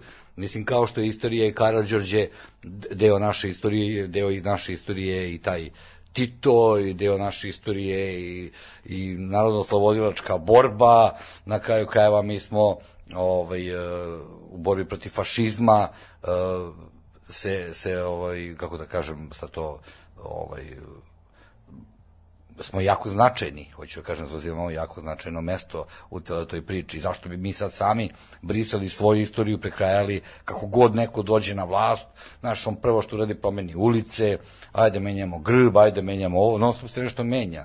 Znaš, tako da mi je to potpuno nejasno zbog čega, ali valjda oni znaju zašto. Znaš, ono, nemam pojma. Ja sam potpuno protiv toga. To, to, to je takva glupost da je to... Ali dobro. mislim, Ja sam možda za malu zamenu, znaš. Na primjer, ulica Kralja Milana promeni ovaj mesto i da bude tamo gde je bila ulica gospodara Vučića. Bojim se da se ulica gospodara Vučića još dugo, dugo To se neće, neće dirati. promeniti, neće da, dirati. da. Pa, Ne, ali mora da on, on kreće tom trasom. Znaš, on ujutru kad se probudi, kreće iz Kralja Milana ovaj, na svoje radne zadatke i to bi stvarno moglo da se nazove ulica gospodara Vučića, a da ona ulica gospodara Vučića koja je na Lekinu brdu, ako se dobro sećam, kod Dobrića. Ja tu da nisam prošao da, nikada, da tu niti ću. bude Kralja Milana. Ne znam, ne znam, stvarno, ovaj, ali vraćam se na temu Ivon, ovaj, ona je meni jako fina ovaj, devojka, izuzetan sportista, ono što, što se ja sećam, inače imam tu čast da poznajem i gospodina Maljkovića i, i njenu, Marinu Goca. i Marinu i brata njenog i uglavnom Maljković je poznajem jako dobro i dobro sam s njima, tako da im zaista čestitam na tom uspehu i meni je drago što ovaj, imamo i jednu takvu igračicu ili kako je sad to korektno reći, ovaj, kao što je on. To je meni ono baš super. Kada su postavili pitanje Marini Maljković kao zašto Srbija mora da traži igračice sa strane, ona rekla da mi nemamo izgrađenu poziciju u našem nacionalnom timu koja uh, bi mogla da, da odgovara tim potrebama na kojima igra naša reprezentacija i da moramo da pronađemo tog nekog ko, ko bi tu ulogu baš dobro prihvatio i ja sam potpuno za jer kad pogledamo kako Marina Maljković radi i kako uključuje te igračice, to se vrlo brzo vidi da te igračice stvarno tu i pripadaju. Imali smo tu situaciju i sa Daniel Page, ovaj, to je prva strankinja koja je zaigrala za našu Samo ću te reprezentaciju. prekinuti, ali Ivon je mnogo lepša od Page. Ja sam svoje rekao. Hvala. Dobro. Ovaj to je tvoj komentar. Ovaj da stvarno vidimo da je da je ta devojka mnogo dala a, našoj reprezentaciji, čak i, i poprimila, opet kažem, vraćam se na to, da je poprimila taj naš mentalitet i tu našu kulturu i kad pogledamo kako se ona ponašala i kako je ona reprezentovala našu zemlju, možemo samo da joj kažemo svaka čast iskinemo kapu. Pa, Ja, ja ne znam, meni, meni je ovo kao da sam se vratio, kažem ti, u neke godine koje su meni potpuno... Mi opet, ja ti kažem, mi a, ovaj, idemo kontra od evolucije.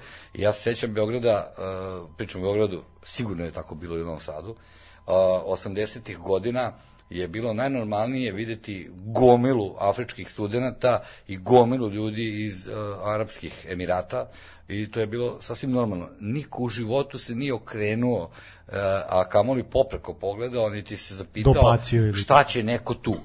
A došli smo sada u 21. vek kada uh, se ruše sve granice i barijere, gde bi trebalo da svi živimo kao jedno i da je bitno to da neko igra dobro, da li mi imamo bolje, ako bude bolje, vjerojatno će je zameniti, to tako ide u, u svemu o, koje, god da je, koje god da je posao u pitanju, pa mi malo nejasno to pitamo kao što baš ona, šta, zar mi nemamo naše?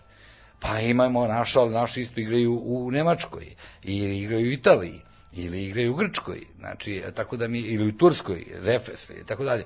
Znači, onda, ajde da povučemo sve naše vamo, jer ako tražimo da niko ne igra ovde, onda ne trebamo ni mi da idemo nigde, mislim, po meni, ono, šta ja znam. Pa da, to je ta situacija, uvek se navodi primer mađarskog vaterpola, gde se oni, svi reprezentativci pred veliko takmičenje vrate u Mađarsku, da. Ovaj, da bi bili tu svi na okupu i da bi bili na oku, na oku čelnicima Saveza, da bi ih onda pozvali. I onda opet to do napolje, pa se vrati i tako dalje i tako dalje. Pa dobro, evo i Hrvat, recimo znam da u, u čini mi Hrvatskoj uh, nogometnoj reprezentaciji bilo je. ima Brazilac ovaj. Bio je, bio je. Tako, bio je, tako. Da, vidi se kad si presto prati futbol, da, bio je. Pa da. dobro, ja se sećam. Ja, ja jedino što znam futbol znam preko FIFA kad igram sa sinom.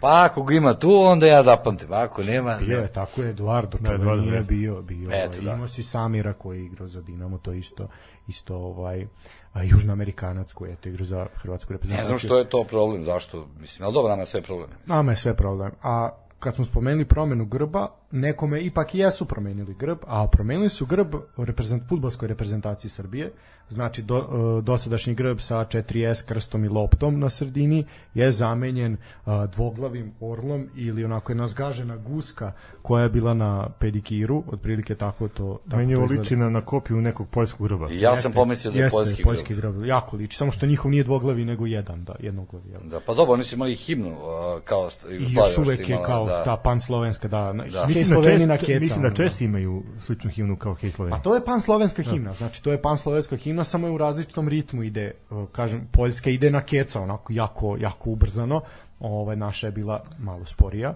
ova izvedba, ali evo promenjen je. Pazi, ja, ja, ja zaista ne znam, znaš ono, kako ti kažem, meni, meni su sve te stvari irelevantne potpuno, a opet znam da postoje ljudi kojima su jako bitne.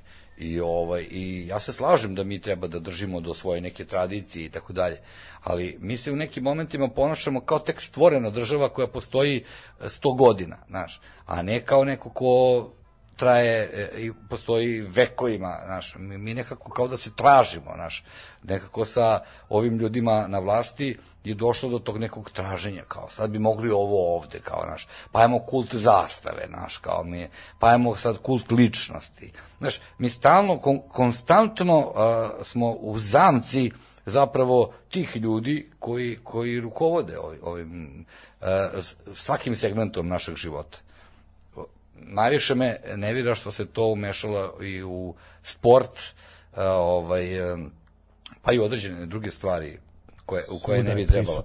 Ali kažem ti, ja nemam ništa protiv da se neke stvari zaista, pa evo dobro, recimo Hrvati imaju dres i dalje sa uh, šahovnicom, sa kockicama. I, I, da, sad ste prekinuti to kad si spomenuo, Da. na primjer, uh, hrvatski dragovoljac, ti se sećaš to, 90-ih je tu bilo loženje jer su domobrani, svi su navijali, to je bilo, jel ta, oni su Da. bili proustaški klub i dan danas su, ali su umiveni.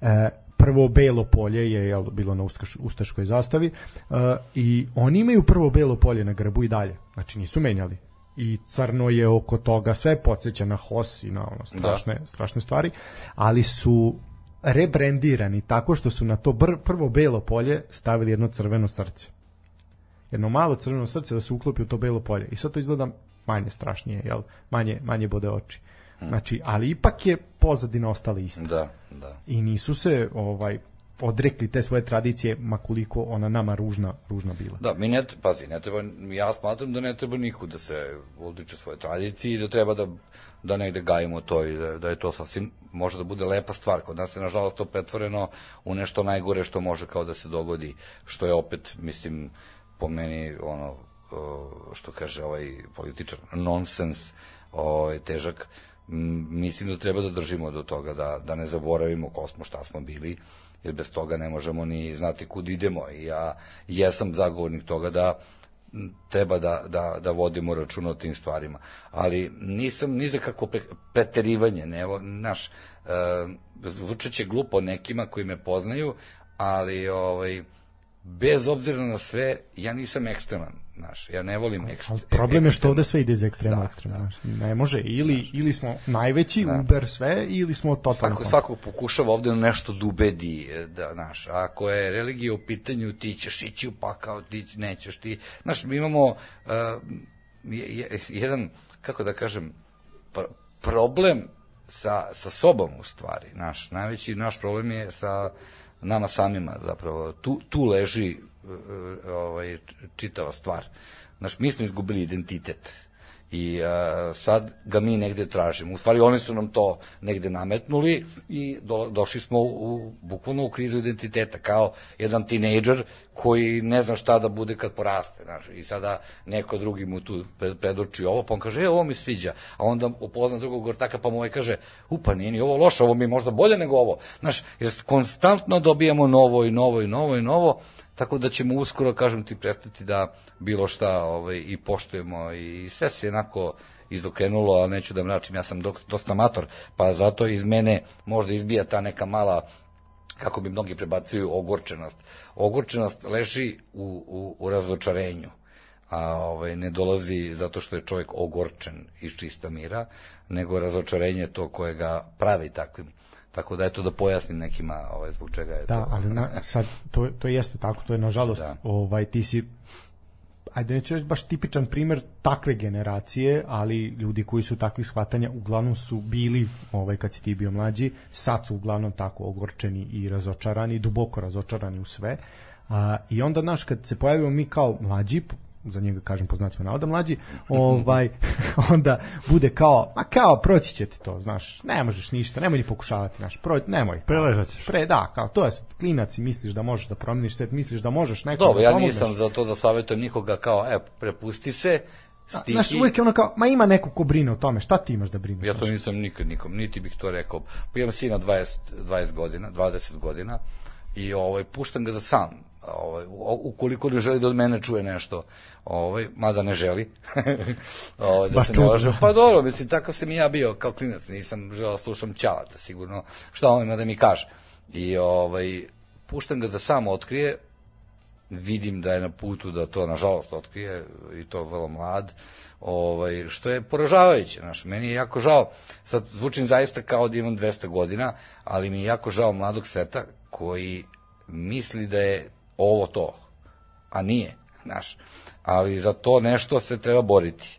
I drago mi je što, eto, vas troje, uključujući i Tanju koja ništa nije rekla, ovaj, eh, se ipak borite da, da, da, da napravite neku promenu. Na bolje. Znaš, način na koji to radite, da li će se nekom svidjeti ili ne, to je potpuno nebitno. Bitno je da vi znate da vi pokušavate. To je, recimo, meni jako bitno. I dan danas, Znaš, ovaj, svaka, svaki moj put, svako moje koračenje ili svaka moja promena vodila je tome da pokušam da budem bolji. Sad, da li sam uspeo? Ne.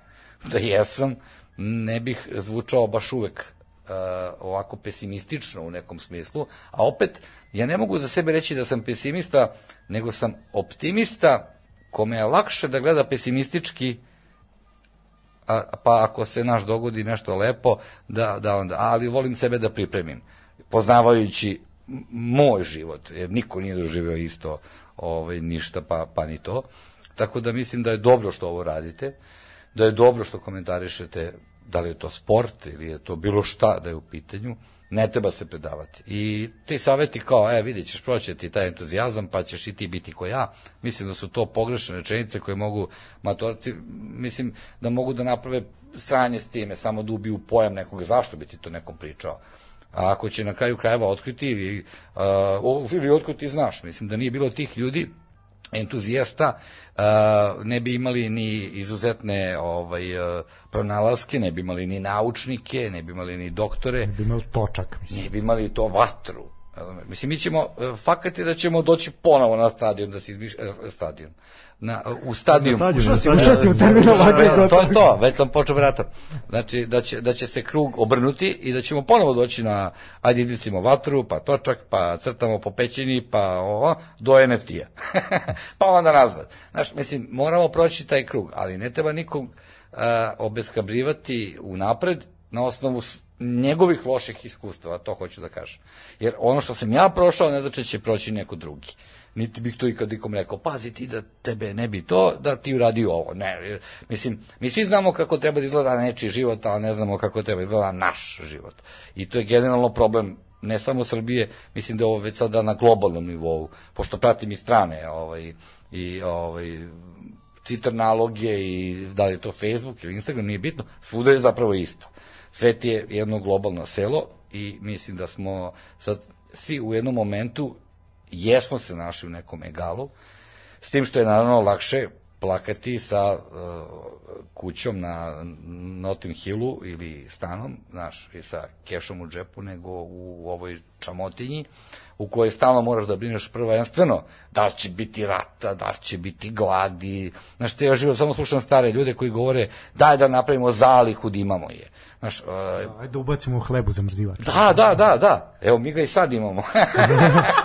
A zašto ne stižemo da pojedemo sve? Zato što kupimo više, razumeš? A, a, a to je ono što radimo da, u svemu. Ajde da kupimo sad, ali će sutra poskupeti. Jeste, i za to smo, za, ali tako se ponašamo u svemu. Znaš, ajde da sad kupimo četiri akne, znaš, ono kao, ajde, a koji će bi, realno šta? Ne, prvo, ne idem nigde. Ja iz kuće ne izlazim, zapravo. Ne zato što se ja bojim a, ovaj, onoga što je napolju, nego jednostavno mi je tu najudobnije. A nemaš potrebu? Ne, ne, sad ni nemam. Sad, sad zaista ni nemam. Jedino kad snimam podcast, ta, to je jedini moment mog, mog micanja bilo gde.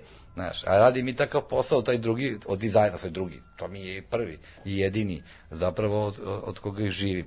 Znači, i to je to, znaš, ali to obeshrabljivanje, to mi je potpuno suludo.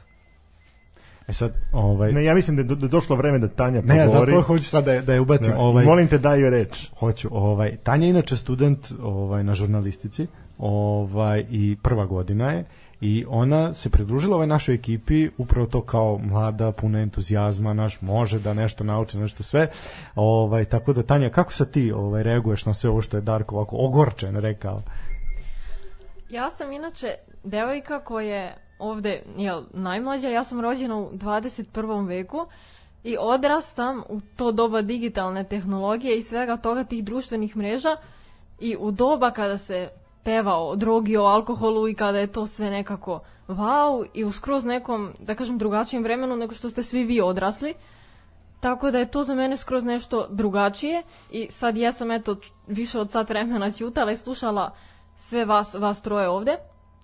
Ali malo je reći da sam, da kažem, uspela na osnovu svega ovoga što sam čula da na neki način formiram neko svoje mišljenje i neki svoj stav, ne samo sad konkretno da li je reč o sportu, politici ili o svemu što ste stigli sad da kažete, već generalno o svetu u kojem živim i u svetu koji me okružuje, jer zaista vidi se da, da kažem, idemo nizbrdo i ja, iako, na primjer, imam samo 20 godina još nepunih, iako sam ovde nekako najmlađa i ja sam dovoljno svesna toga da u ovim godinama vidim zapravo kuda sve ovo vodi, a ne vodi ničemu iskreno.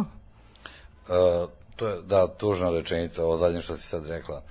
Ovaj, mislim da treba, pazi, ti si izabrala super uh, smer i to je po meni jedna od izuzetnih ovaj, škola, reći ću tako. Žurnalistika je Uh, sad bi sigurno neki moj kolega da je na mom mestu rekao, ja, gde si to našla? Da, to mi svi govore. Uh, to se budale. Uh, to, je, to je lepa stvar. I to je jedan divan posao koji su, nažalost, uspeli da, a, kako da kažem, upropaste ljudi koji bi bili takvi da su se bavili bilo čime. Znaš, I oni ne treba da budu ti koji bi trebali da ti budu zvezda vodilja. To je ono kao savet iskusnog kolege. A, ja ovo radim već 20 i nešto godina, znaš. I video sam kroz, kroz taj moj posao i lepe strane i ružne strane. I svuda ih ima i to ćeš i ti viđati. I sad da li ćeš ti morati da u jednom momentu radiš i za neke tabloidna neka smeća ili ćeš uh, raditi ovo, uvek gledaj da uradiš to najbolje što možeš. I nemoj da posmetaš to tako, kako da kažem, sad bi neko rekao to defetistički, znaš, kao uh, ide nizbrdo. Ti se trudi da ti uh, napraviš svet boljim, boljim mestom. To je jedina stvar koja ti preostaje svet da promenimo ne možemo, ima i ta izreka, ovo sam pun izreka, preko da sam stalno na onom Twitteru, ovaj, kao ono, bio sam uh, pametan, pa sam teo da menjam ceo svet, danas sam mudar, pa menjam sebe. Parafrazirao sam, ali te ne, citat, ali jeste ta priča. To je jedan izuzetan postao. Novinarstvo je ozbiljna stvar.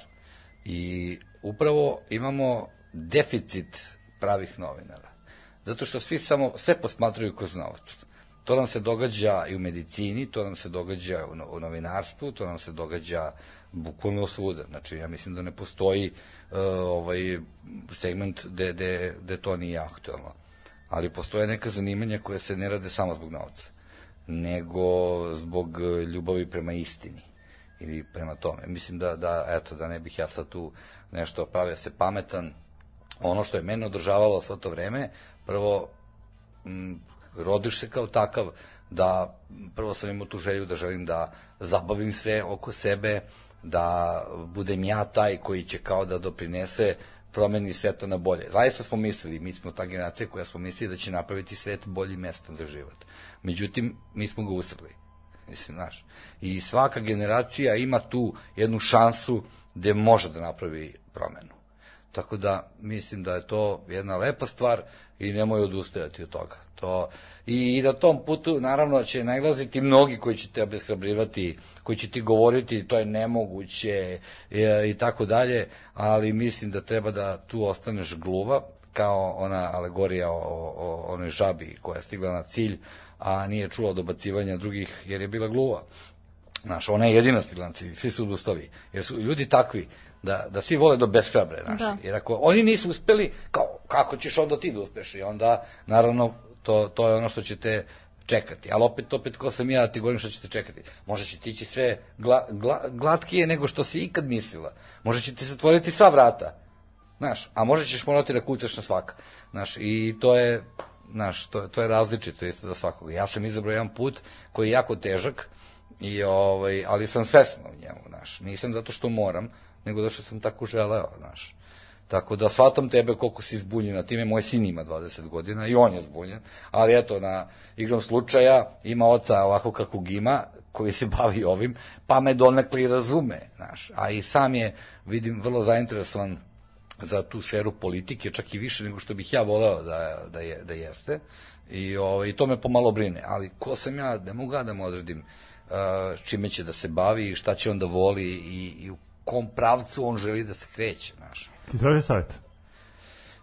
Mm, ne, da li se dogodilo dva puta možda. Jedan put me pitao nešto za pisanje, sam pisao kolumne, a ovaj, ali to je bilo to je bio kratak dašak. to je bio mali tračak sunca, nada, i onda se me nadal se raspričuju i davio ga, i to je to, mislim. Znaš, e, nisam ni ja volao tako te dugačke priče, ali ne traži mi savjet, ne, uopšte. Pregledam, obično mladi beže od autoriteta, to je taj neki mladalački bunt koji je izražen kod svakog od nas koji je nekad bio mlad. Pa to je tačno, ja imam i dan danas, da. mislim. Isto, ja mislim da je to dobra stvar, da, da, da je to jednostavno postane deo ličnosti, deo tebe. Dobar novinar, pazi, mora da uvek postavlja pitanja, znaš, i sam sebi i drugima, mislim. Dobar novinar mora da dovodi sve u pitanje, znaš, da bi došao do istine, a ne da slepo verujemo svemu što nam se kaže. E, to je ono što je najveća zamrka meni što smo pomenuli na početku, a, vezano za tu prokletu vakcinaciju. Znaš, nikad nisam pozvao nekog da to ne učini, ali sam i tekako neko ko stavlja prst na čelo i pita se. Imam pravo da se pitam na kraju krajeva. Radi se o mom telu, radi se i o ljudima kojima ja prenosim nešto, znaš, i znatižina sam, znaš. E, mislim da je to isto jedno od e, bitnih faktora da bi bio dobar novinar. Mora da budeš znatiželjan, znaš ljubopitljiv, dosadan u neku, u neku ruku. Znaš, jer ako to, ako to izgubimo, znaš, e, nestaće onda to, znaš. E, zato se uzdam u te mlade generacije. Ja sam e, govorio i na fonu, radio sam par tih motivacijalnih govora za British Japan, ovaj, Japan Tobacco, za fon, za gomilo fakulteta i bilo su ta pitanja, kao šta dalje, kao ne vidi niko nešto, neku budućnost, znaš ali moj odgovor je uvijek bio taj, znaš, ono, ono što ja nisam u stanju da uradim, zato kažem, možda znam kako bi ti trebala da živiš, ali nisam u stanju da sprovedem to na sebi. Pa zato zvuči licemerno s moje strane, ali sigurno da mogu da kažem da treba da živimo sadašnjost, znaš. Sada praviš budućnost, a ne možeš razmišljati o tome šta će se dogoditi, jer otko znaš šta će se dogoditi. Mi smo imali sličnu situaciju dok sam ja studirao i doveli smo Borisa Malagurskog kad je on izbacio težinu lanaca, taj prvi deo još dok je bio koliko toliko anoniman. I sada ljudi kad su pogledali taj njegov film i bili su pod određenom reakcijom, jasno film ovaj izaziva reakciju i onda su ga pitali dobro kao šta dalje, kako mi da se borimo? E, i to je ta priča o kojoj ti pričaš da eto ljudi stalno postavljaju pitanje kao kako mi da da pronađemo način. I uvijek se to gleda na neke autoritete koji kao mogu nešto da ti kažu opet pogledamo to da, da eto, mi imamo tu situaciju u državi gde nas vodi jedan čovek i ko, koji, da. ko, koji zna i ko je najpametniji koji on, on zna gde mi treba da idemo A mi stalno tražimo mi tatu. pa- da. Znaš, mi smo kao ona djeca, kažu, znaš, ono, ko nam je tata? I onda stalno tražimo tatu, nekog pastira koji će nas povesti na zlatne pašnjake, na ispašu. Čoban. čoban. Čoban. Mi smo ovce, razumeš? Onda shvatimo da smo ovce i onda se držimo toga. Kad skinemo ovoga, to će sledeći pastir. Mi nikako da napravimo... Ću ti ispriti čoban. A da, ili pastor ali nama treba... Na, Nemoj, nemoj da pastor Nama dolazi. treba sistem, znaš, nama treba sistem vrednosti. Pr, a, mi, mi imamo sva posrnuća moguće od moralnih, sve, sve imamo. Mi moramo mnogo toga da radimo. Mislim, govorim kao država, kao zemlja, kao nacija, znaš. Moj, kao ljudi, kao prvenstveno kao ljudi, ti si imao tu situaciju koju smo spomenuli, to je toliko jezivo, da je neko prebio nekog na smrt Da mi se. Zbog 390 dinara. Gde je nestala milost? Milosrđe je Ali- umrlo. Ma, ali okej, čak znaš kao, uh, šta se sad tu, mislim svi znaju manje šta se desilo, znači dečko, momak, šta god, izašao je pod gasom iz lokala i zaustavljao je ljude žicao za kintu, za, za lovu. I ono, naravno, ljudi su ga iskulirali. Ovaj nesretnik je sedeo tamo gde uvek sedi i svirao tu svoju gitaru, ko što radi unazad već koliko. I ono kao, i on je njemu prišao i on ti jadnik izvadio to što je tog dana imao. Imao je 390 dinara. I ovaj se, pazi, molim te, uvredio što je njemu dao samo 390 Čuo, dinara. nažalost. Da, i ovaj ga ubio. Ali koji, znaš ono, koliko puta moraš udariti nečiju lobanju ili šutnuti da bi ona naprsla? Znaš ono, se ne možeš zaustaviti. Druže, nema milosti. Mi smo nekada živjeli u vremenu, ja nisam živio u pitomim vremenima, da se razumemo, pomenjali smo mi 80. i 90. Ja sam živio u vremenima kad su se skidale patike, kada je isto bilo, doba. a, da, kada je bilo, znaš, ali e, ne mogu sad da govorim, ali sećam se jednog kratkog vremena kada bi se potukli nas dvojica i ne bi sad ku vreme mog ćaleta koji je zemunec, pa onda oni odu na piće, to je bila ta neki kodeks, nemam pojma ja, ali uh, on sigurno posle toga ne bi doveo njih deset da mi skaču po lobanji. Znaš, jednostavno dobio si batine i to je to. Znaš, mi danas dolazimo u, situaciju da ljudi su ponašaju kao vukovi, idu u čoporima i napadaju slabije, a ako su sami, onda su slabiji.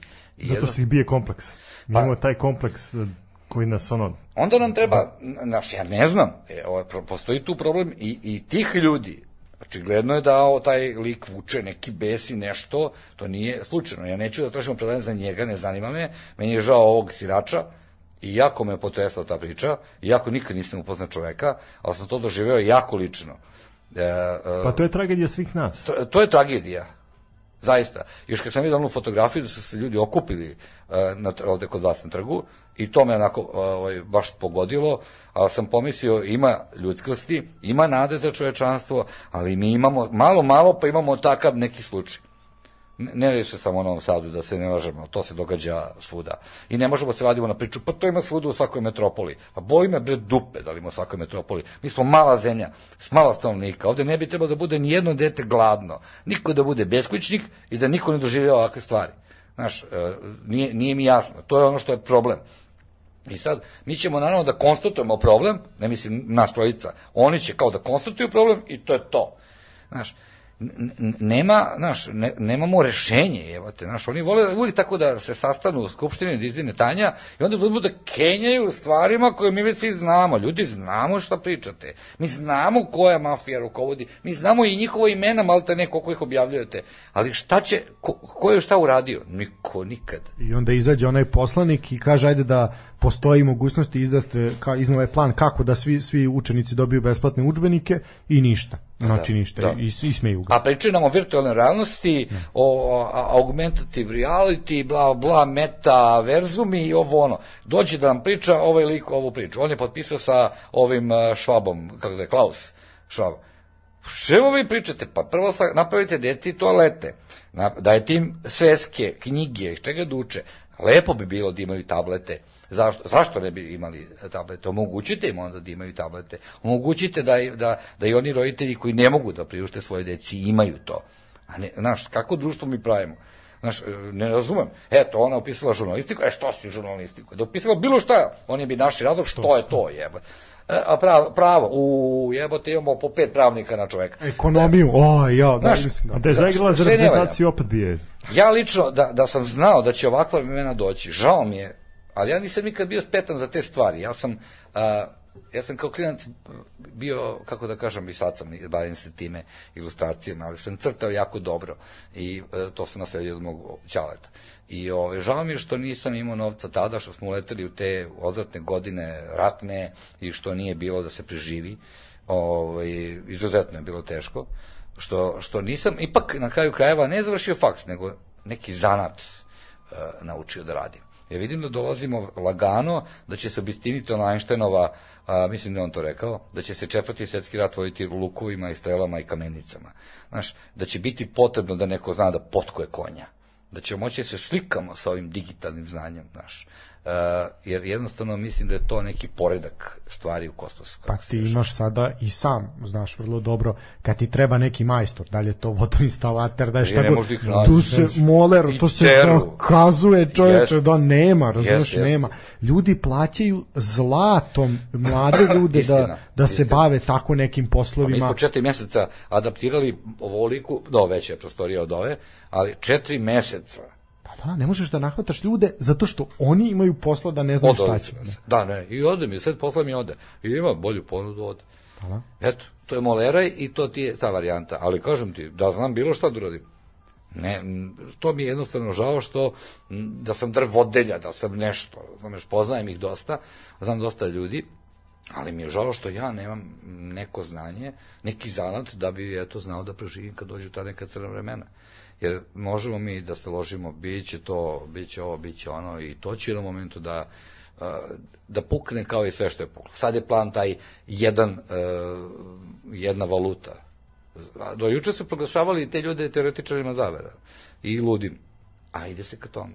Znaš, evo Rusija je već maltene e, tu na pragu toga. Evo ima, baš sam čitao neki tekst. Pa ajde sad da budemo iskreni i tebe i Mareta su za vreme kad je počela ta priča o koroni i svemu, mi ste, vi ste i među prvima počeli da pričate o tome te kra, s kraja te 2019. godine ovaj, i ta priča kad je krenula vakcinacija i sve uh, među prvima se u vašoj emisiji moglo čuti da će biti covid pasoš i da će to Da. neće moći da se kreće i to su svi su ma nema, nema, ne i šta smo došli Mene još uvijek do zovu teoretičarom zavere i veruju da ja mislim da verujem da je zemlja frizbi, verovatno, nemam pojma. Budaletine bre izopačene, pa zato što je, to ide uz to i to je jedno to je jedan globalan globalni narativ koji se sprovodi svuda.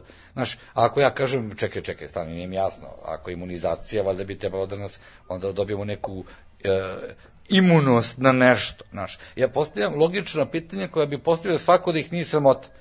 Ali pošto oni vole da se prave pametni i da misle da sve znaju, a zapravo ne znaju, ja kad nešto ne znam, ja pitam, mene nije samota, ti da imaš 15 godina, ja pitam mog sina, Znaš, ono što ne znam, ja kažem, ajde ti mi objasni, pošto on zaista istoriju drži u malom prstu, a ovo ostale stvari ti ne pričam.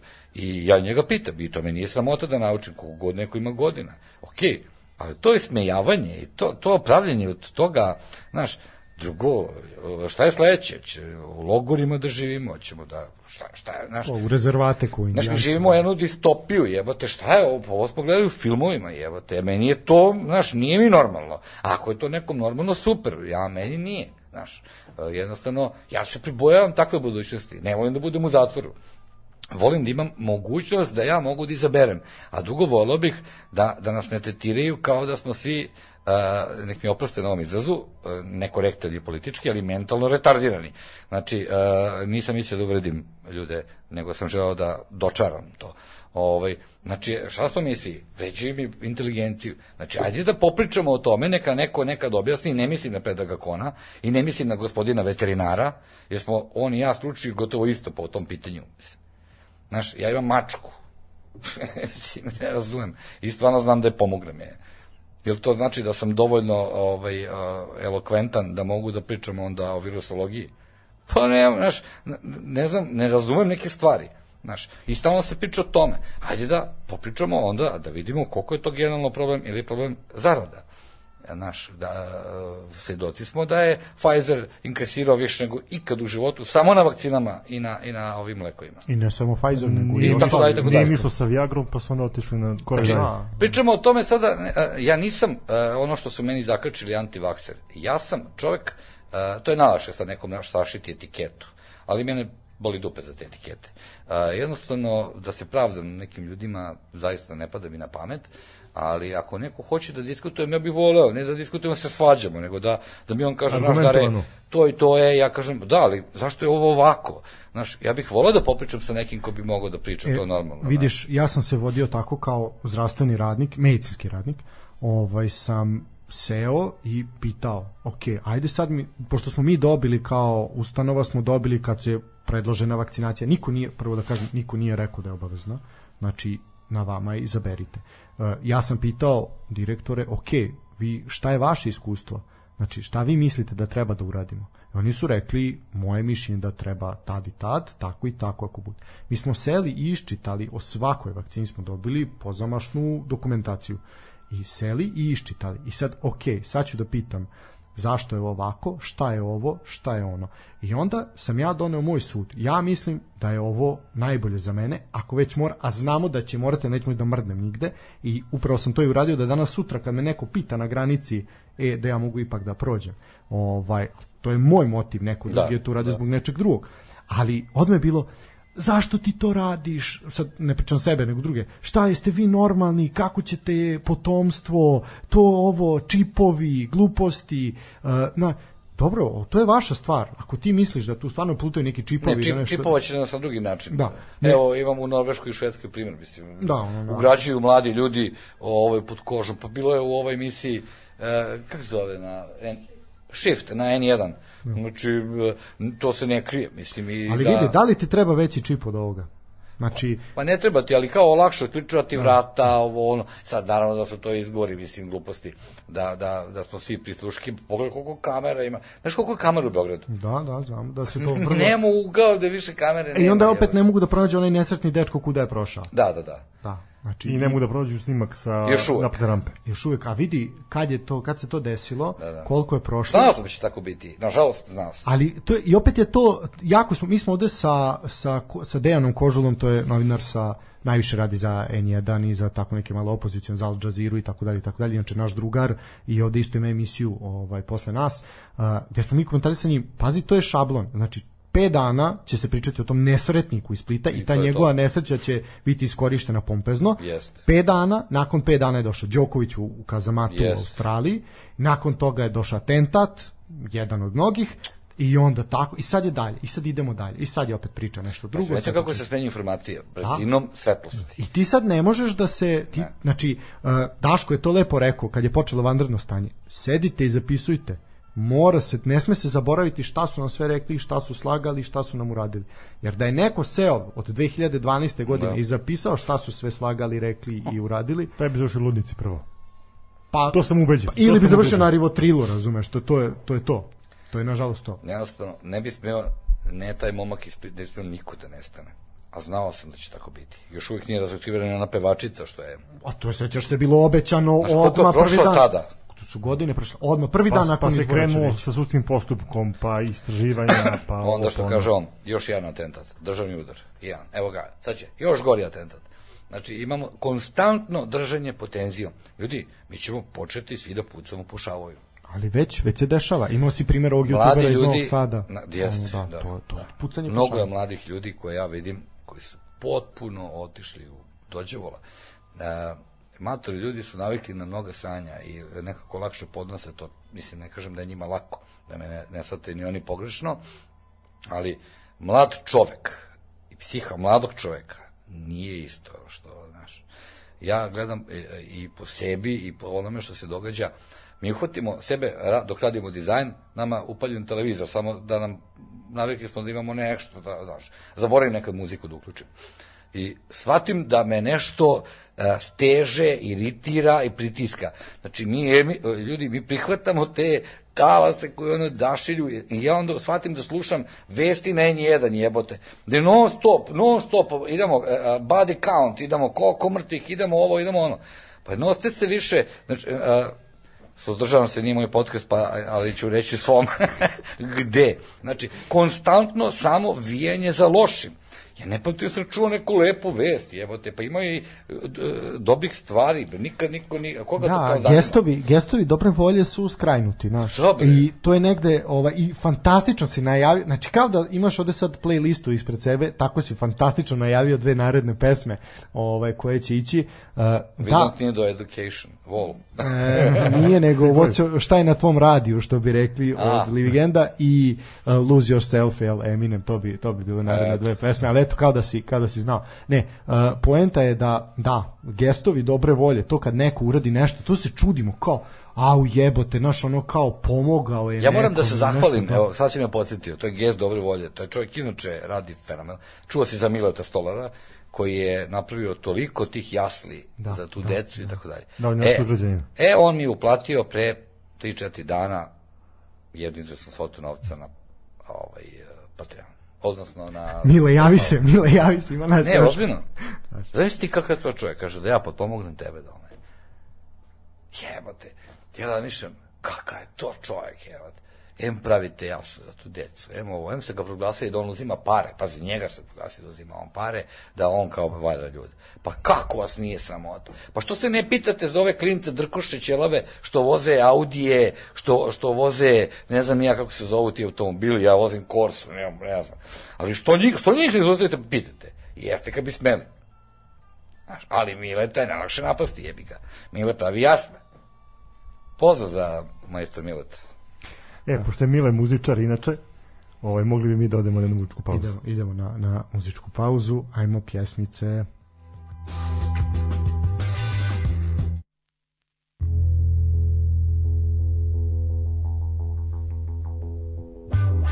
Vraćamo se u program nakon male muzičke pauze. Baš, nije baš bila mala.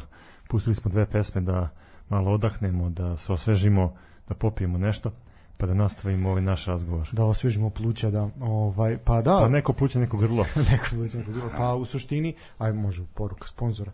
Ovaj Hvala. Ovaj tako Inače, to, to je stvar koju mene baš neko nervira iritira i više E, puta sam čekaj, mu i ovo- sugerisao za to. Da, i to crkanje u mikrofon, ali eto, ovaj, Ali ljudi budu, znaš, on ne da onaj koji ne sme da popije pivo, njemu bude isto kao da ga je popio. Da, čekaj da mu leti neko parizer, neka... da, da, da, da, da, da. A, danas su me zvali, Gulj. danas su me zvali za sendvič. Znaš kako sam, evo sad iskrena priča. Sedim i beogradski 011 pa neki broj. Šta je rekao? to je zezofon, vere mi, zezofon. Nije, brate. Ja se javim, halo, dobar dan. Jel Stanislav Malin? Ja rekao, jeste, izvolite. Ja kao, zovemo iz štaba Srpske napredne stru... Ja sad stanem. Rekao, čekaj sad. Ja ga pitam, dobro, odakle vama moj broj? Jel znam da nisam potpisio neke peticije ni ništa pa da su mogli da uzmu. Odakle vam? Kako? Kako ste vi došli do mog broja? Pa ne, ne, neko vas je naveo, pa kome je naveo, sad ću ići rebra da mu prebrajem, ko je to uradio? Pa ne, pa ne smo mi da kažemo koja je ustanova, a ustanova je, ko je to, znaš ono kao, tetki da odnesem lik, pa je ustanova ili je čovjek, ko je prodao moju informaciju, dakle kako to smete raditi? Pa mi ništa, nemojte se vi ljutiti, mi sam da pitam, ste izaći na izbori, ste pružiti podršku, neću pružiti podršku, Nisu još i rekao, nas pisali izbore, evo. da, kao, neću pružiti podršku, ali me zanima ko je, odakle vama moj broj telefona, jer znam da ga nisam dao sigurno. Meni su došli na vrata sa spiskom, ja sam ih imao telefonom. Jer sam video da su bili kod komšije i kad su se pojavili kod mene na vratima, tad su radili na 92. Ja s telefonom uključujem. Dobar dan, on kad je video. Haos je bio. Pa da, ovaj, jedna, jedna moja pacijentkinja, ovaj, Čekaj, jedna- hoće kaže sam da, da smo odbijeni za sendviče. pa nećemo da sendviče, da, jebi ga, šta pa šta. Trebali su tu. A da. Ništa, onda ponovo da je jedemo, jedemo ovo slatko A jedemo to. Dobri su i krokodilske suze. A vidi, pokaži ko nam je sponsor, ovaj, ko, ko je sponsor slatkog. Pa ne, više da- puta smo napomenuli šta Pa je da, ovaj, hvala, ovaj, vidi žig da ima ovaj sve. ovaj, Opa, da, ovaj. vidi imaju bre dva sponzora. 23 godine radim, nije, nije me zvao ni Pipi ni Gudi. Pogledaj gajbu tamo iza, pa će ti sve biti jasno iza frižidera. Ovaj, Čekaj, problem, nemam frižider. evo ti iza tebe, aj stariji čovjek, A. slabiji. Da. Nemoj da se Dole imaš- Nemoj da se naglo okrećemo. Da, da. Ne, on gleda u poster. Ne, ne, dole, dole, nemoj gledati u Poster poster. je To, super. da, da. Do, tako da no, mora se snalaziti čovjek živ. Dobro se snalazite. Tako da nećemo dobiti sendvič. A dobro, 100 eura nam ne gine, ajde. Šta Dobro, tebi.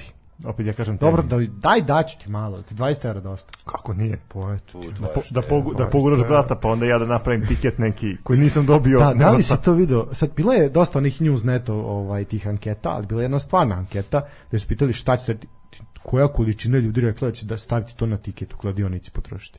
I vratiti ekspresno kako su i dobili. Znači, je li moguće da nam se na to svelo kao... Pa vi ti vidiš koliko ima kladionice. E, Znaš kad sam dolazio kod tebe, reci. pitao, rekao sam ti, uh, jedna kladionica, druga je, prema kladionicama se orijentišemo. Pa evo i kod mene u Zemunu imamo sa ove strane tri kladionice pre lagune, znači knjižare. Znači, to je nenormalan broj ljudi koji se, koji se kocka. A i svaka je puna. Nigde ne, nije puna, prazna, da. svaka, svaka je Da. zapopunjena. I svaka je polepljena onim staklima na izlazima da se ne vidi kad je dan, kad je noć. A, pa dobro, to je pravilo svakog kazina, da nemaš sat unutra i da Pa je... da, to su kao ono, dođeš, da, da to, oni imaju sad one automate, vjerojatno, i te. Da. Ja ne idem, ja se, ja se pre jedno vreme ložio da ću da dobijem i to je davno bilo kad sam ja odlazio kod. To bi Mi smo rešili da napravimo humanitarni tiket Mi imamo, da, i humanitarni iskomentarišemo svako kolo u našoj ligi. A to sam popunjavao bio, zvala su me, da li je Mozart, to, Mozart Mozart, me zvao, dao sam dva puta taj tiket. Ovaj, Ali pa- mi još uvijek ništa nismo uspeli da, da stavimo Da, da, pa ja. svrhe. Mi smo kao naš, a mi ovo iz našeg, iz našeg, jel, ovaj, od našeg novca, privatnog, kao svako kolo, jel, što kaže, odigramo, i onda nam je jedan dečko rekao kao, pa kao da ste hteli humanitarno neko nešto, bolje da ste to što ste uplatili dali nekom, jer prećete tako nešto uraditi nego dobiti pare i upravo je bio. Da, Ali ipak verujemo da, da A, ćemo jednog dana doći Pa u tu dobro, to je ono situaciju da zaradimo. kao, naš, pasije, ono kao, znaš, dobiješ sad lupam 50, 60 hiljada, 70, stotku, 200.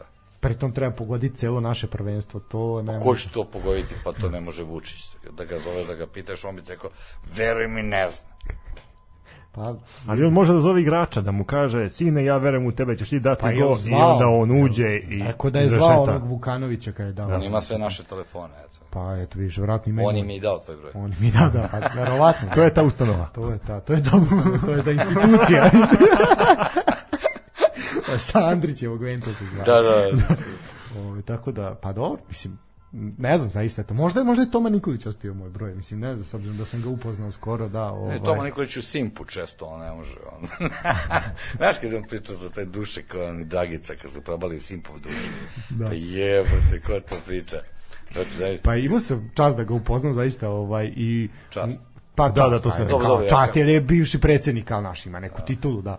Ovaj, onda sam pogledao ga, ovaj, tri dana je bio, ovaj, sam imao to dodira sa njim, i se rađu, jebote, koji kauboj je bio predsjednik, znači, strašno.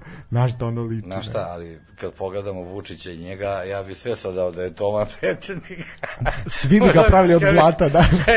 Oni koštunice, nemam pojma, premijer i predsjednik. Ne, pa. Ja nikad neću zaboravim otvaranje olimpijskih igara, jedno njihovo mahanje sa onim šalom Srbija, to mi je Da. u glavi i sad kad god prikažu olimpijske Toma je igre i inače bio otvaranje, to je, pišičan da. sav, ono, ono, seća se, žuti ljudi, kad počeo priča kinezima, Pa ono igranje sa onim štapom, za ono, šta, da, jo, da. bože, gospode, to- Ali vidiš kako je i on, da kažeš, oprao sebe, pamtimo ga sad po tome, a zaboravljao se pominjanje porodice, psovanje u skupštini, Da, da, da. to se još dok je iz radikalskih dana, to se zaboravilo, znači i on je uspeo sebe da rebrandira u jednog poštenog, običnog On seljaka uvek iz... puca na to domaćin Da. čovek. Domaćin A mi čovek. se jako ložimo na to domaćinsko sranje, razumeš, i onda uvijek padamo na to, čovjek je pre domaćin. On će domaćinski da raspolaže Srbijom. Pa nije to tvoje, brate, ti raspolaži kućom svojom, to je, tu si domaćin, iznesi slatko, dragica, nek nama, nemam pojma, jebote, uzmite pekmez, tamo žderite, to je Srbija, znači, ne razumem. Jo, koliko ga nisam, volim, ni sad ga ne volim. Inače, ne volim političare, znači. Da, baš ti nijedan nije drag. Nijedan. Možda Muhika. Znaš, pa i onaj Ahmadinejad, batica koji je a, bio predsednik Irana, jebate, završio ono svoje i otišao ponovo čuva koze. Eto ti. Mislim, to ti puno govori o nama. A oni su kao zostali, oni su kao kozari, mi kako volimo da ponižamo i vređamo sve žive nacije, jer mi smo mega carevi, superiorna bića, nebeska i tako dalje. A Ahmadinejad završio karijeru i otišao čuva koze, evo. Ja bi političarima dao da prvo čuvaju koze, da vidi da li mogu koze da sačuvaju, pa onda im daš Oni su državu. odatle i došli, druže moje. Pa neće, oni se vraćaju. Bre.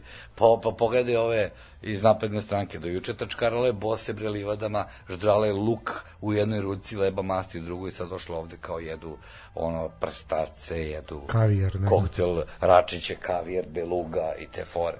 Samo vidiš im po frizurama i onom crvenom rumenilu kao na babuškama ruskim.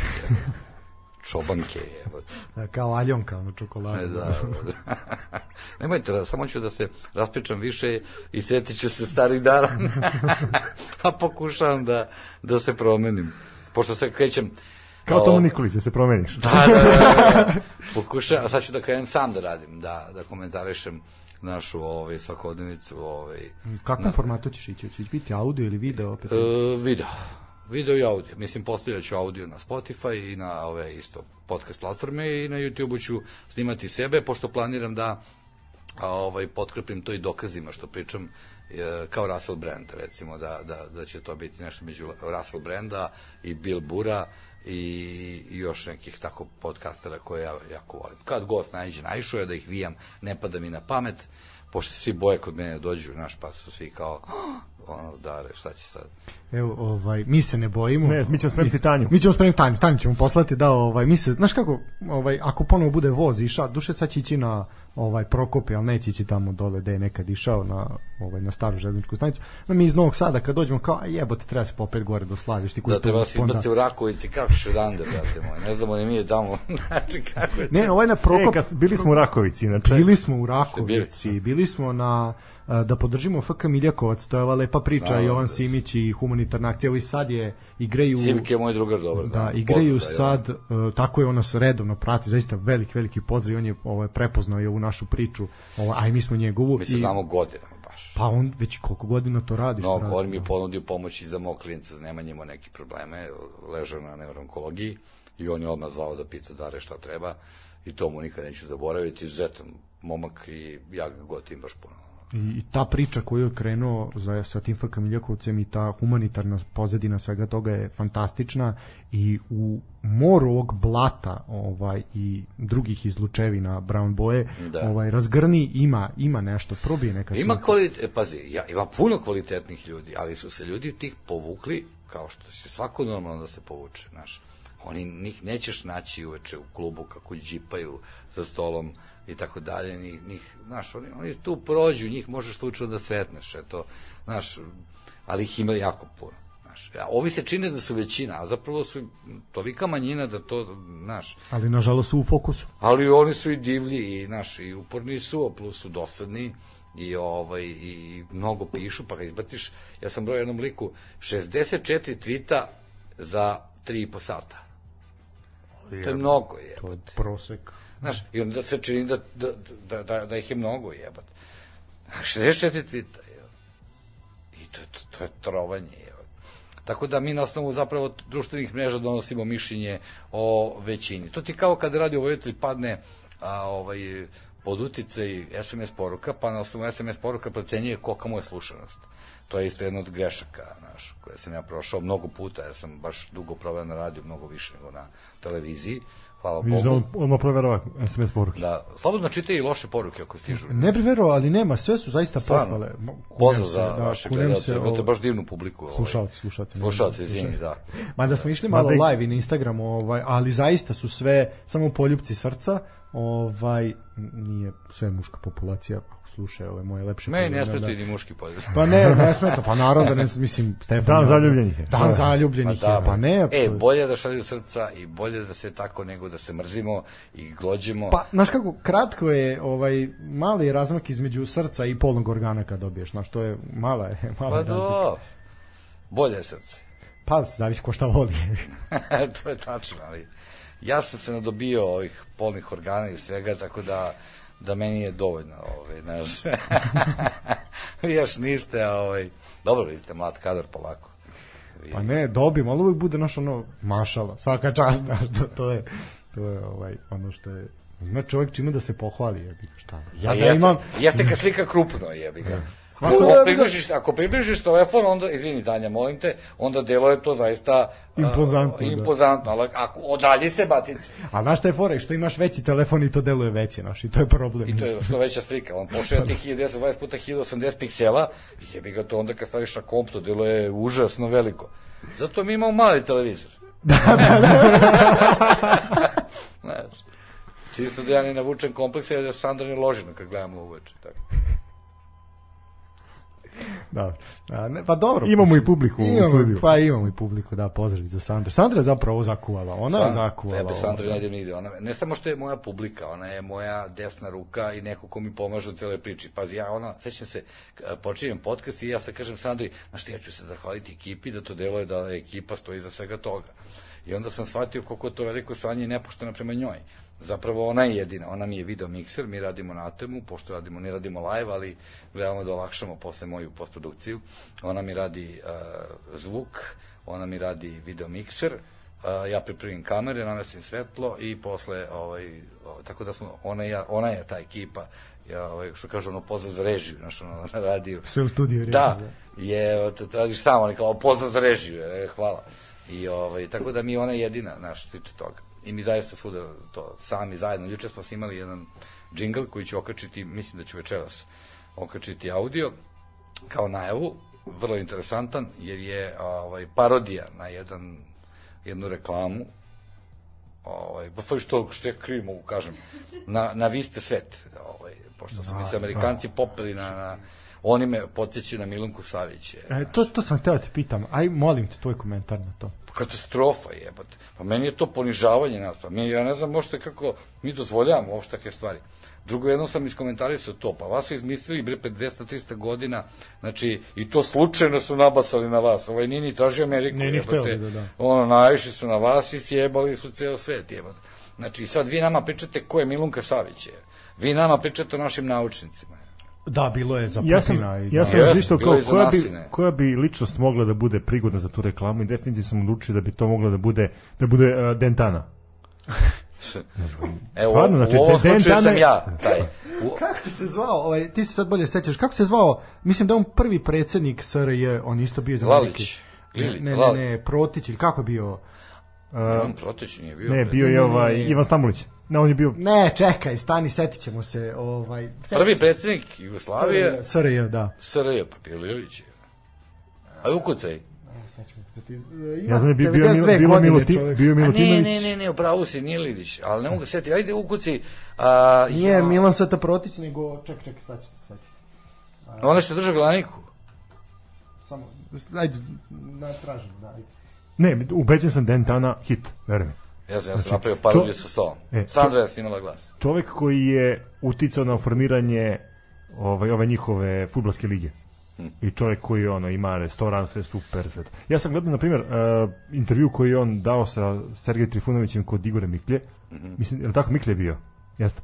I stvarno ovaj, ispričao je to kako je tekao evolucijni put njihovog futbala i onda stvarno mislim kao ako bi mogao neko da bude baš autentičan kao vi ste svet da je došao kod nas odnosno da je po- potekao od nas i došao kod Mene njih to se ne je vjeruje, to je meni tako ponižavajuće to da Amerikanci nama govore da smo mi svet. Ne, bratice, vi ste svet, a mi smo tu od uvek. Tako da, meni je to, ta, e, zbog toga sam i došao na ideju, rekao, ja snim ovo možda kao reklamu za najavu te nove lobotomije koja kreće od 1. marta, malo koristim i vaš prostor. A, na Milana Panića sam, Pa, mislim, bio da, premijer. On ti je da, bio premijer. a, ovaj, vlasnik Gala- Galanike. Da. Nisam mogao da se setim, e, bio je prvi premijer. sa- A ja sam igrao futbal u FK Galenici, koja je posle promenila ime. Zemun. Zemun, da. FK Zemun, da. Tako je, pa najznačajniji transfer u istoriji FK Galenike je Tako da sam- Mance i Ne. Mance u Partizan, a Jest. Santrač u Jest. Galeniku. Da. Eto, da se ne kaže da ne znam ništa o sportu, ja sam trenirao futbal i pratio jako puno to, jer ko u Zemunu nije mašta da bude futbaler, taj nije bio Zemuna. A kad si eto, imao prilike da, da treniraš futbol, ko ti je bio ovaj idol? Idol. Na koga si se ugledao? Pa mi smo, se, mi smo se ložili na onu ekipu, ako sećaš Brazila, Zico, Sokrates, ovaj, naravno, A to s kraja 70. jeste, recimo, da. a, ovaj, Pele Maradona, to je, mislim, Ja sam toliko tražio po Beogradu, to nije moglo se nađe tada u Beogradu, da sad možda kupiš bilo čiji dres, na ovaj desetku čuvenu, to ništa nije moglo se, da se kupila sam ja dobio zem, Zemunov dres, naravno, pa sam imao ovaj, to, ali to su nama bili idoli, znači, sećam se, ovaj, Bože, vidiš, nijedan evropski, ne mogu setiti nijednog evropskog futbalera, dobro, naše smo, pff, to je, to je bila jeziva ekipa tadašnje, tadašnje Jugoslavije, ali od stranih, to je bio taj Sokrates, Ziko, Bože, ko je još bio tada, mu setim, A pa zaboravio sam, još ti pre koliko to je bilo mnogo davno. da, e sad, ovo si super spomenuo, uh, da, bilo je jako zapravo nedostupno pri dresovi, sličice, prenosi uopšte, uh, ali isto tako i ploče, i stripovi, pa i to je sve, sve jako To je moja teško. tematika, pa ja sam te ploče, ja sam prvu ploču dobio iz Londona, Nevermind the Bollocks, od Pistolsa, uh, u stvari prva ploča mi je lažem, bio Richard Pryor stand-up comedy Richarda Pryora, Pryora audio verzija, a, a prva plava ploča koju sam, zbog čega sam naravno zavolao mnogo punk, je bila Pistols i baš Nevermind the Bollocks. I, ovaj, i bila je berza ploča. Uh, bila je kod na početku ovaj kneza ovamo, bilo je kod SKC dole, uh, bilo je par mesta u gradu gde si mogao da kupiš te, te neke ploče onako stare, ne baš ni uvek znaš, ono, Duško Kuliš, pa kao uh, mot, ovaj, Motorhead, ne pojma, i tako dalje, i stripova, i stripova je bilo na svakoj trafici. Ja bez stripa nisam išao nigde, uh, pošto je strip moja najveća ovaj, ljubav, pored svega ostalog što radim. Čak je moja jedna tabla stripa bila izložena u SKC-u, ovaj, i dobio sam nagradu za to bio i baš sam bio ponosan na to, međutim, pošto se ja tako bahat ophodim uopšte prema stvarima i prema svemu tome što sam ja ikada, ja nijednu nagradu, ništa, ništa ne čuvam to, meni to sve kao nešto ne predstavlja ništa, a u stvari mi nekad krivo, onda što nemam to da, da pokačim, bar ovo, valjda da će doći do 100.000 pregleda na YouTube-u da mogu da okačim ono njihovo silver, ono da. silver govno, da imam i ja, a ne samo Galeb. Eto, to, tako ovaj, da. Ali stvarno tako. Da, da li misliš da je, to smo pitali ovaj sve pitali smo Bobana koji imali smo čovjeka koji je gost koji je napravio hroniku prve lige znači u Kraljevini znači od prve godine kad se zvanično igrala liga do kraja do, do ono do rata ovaj znači od te nekih 1900 koja šta smo rekli od 16. je krenulo je l' tako nešto pa da da od 16. pa do 41. jel ovaj i on je onda pričao isto on je odrastao u Jugoslaviji i sve to on je malo još stariji od tebe i kao koliko je to teško bilo nosi jedno jedan termin u, u nedelji kad si mogao da sedneš i da vidiš šta je tamo neki Manchester uradio ili yes. nešto i, i to isto tako ploče stripovi i tako dalje i tako dalje i ono kao ljudi su više nešto želeli zato što nije bilo dostupno nije bilo, toliko da. a sad je sve dostupno. Milion sportskih kanala, milion filmskih kanala. Stanislav, uh, druže moj, mi smo čekali vreme da uključe MTV, da možemo da vidimo video spot. Ja ti shvataš video spot kod nas je bio to, oni stoje i gledaju kameru, jebi ga, to je bio video mm. spot. Znači, MTV, sećam se uključenja, da li je bio treći kanal, je, Znači, to je bilo nezamislivo, to malo što puste. Te naj... Znaš koje su emisije to bile? Mi smo svi maštali o tome. Znaš, prispodao se na toj zapadnoj civilizaciji. Ja kad kažem ne volim Amere, ne volim njihov establishment. Uh, znam puno dragih Amerikanaca, igrom slučaja ovo što sam putao, upoznavao sam te ljude. Ovaj, ta priča njihov američkom snu, to, to za filmove, ali ovaj, uh, svi smo želeli leviske, svi smo želeli, ta smo to nosili, farke, leviske, starke, uh, svi voleli njihov basket, uh, NBA je bio jako populista, i si mogo nigde da vidiš. Bilo je isto i povremeno uključenje, ako se ja dobro sećam, ispravit će me možda neko od vaših slušalaca, ovaj, ali bilo i toga, uključenja u NBA nekad isto, isto je bilo. U, to se nije propuštalo. I mečevi, naravno, boks mečevi, e, boks, da, da. Ko, koji se pratio. Prvo je Nikitović uh, uh, to, to prenosio, tek kasnije, kasnije, kasnije, kasnije. Koreć ime Medović. Kore, da, ali Nikitović je to ovo prenosio i gledali smo te mečeve, bože, kad se setim, čekaš ono pet ujutru, šest ujutru i Tysona, uh, koji završi meč za šest i po sekundi i, a ti nisi spavao, ono, moraš u školu, na, ovaj, zaista je bilo sve, upravo si ti to, ta nedostupnost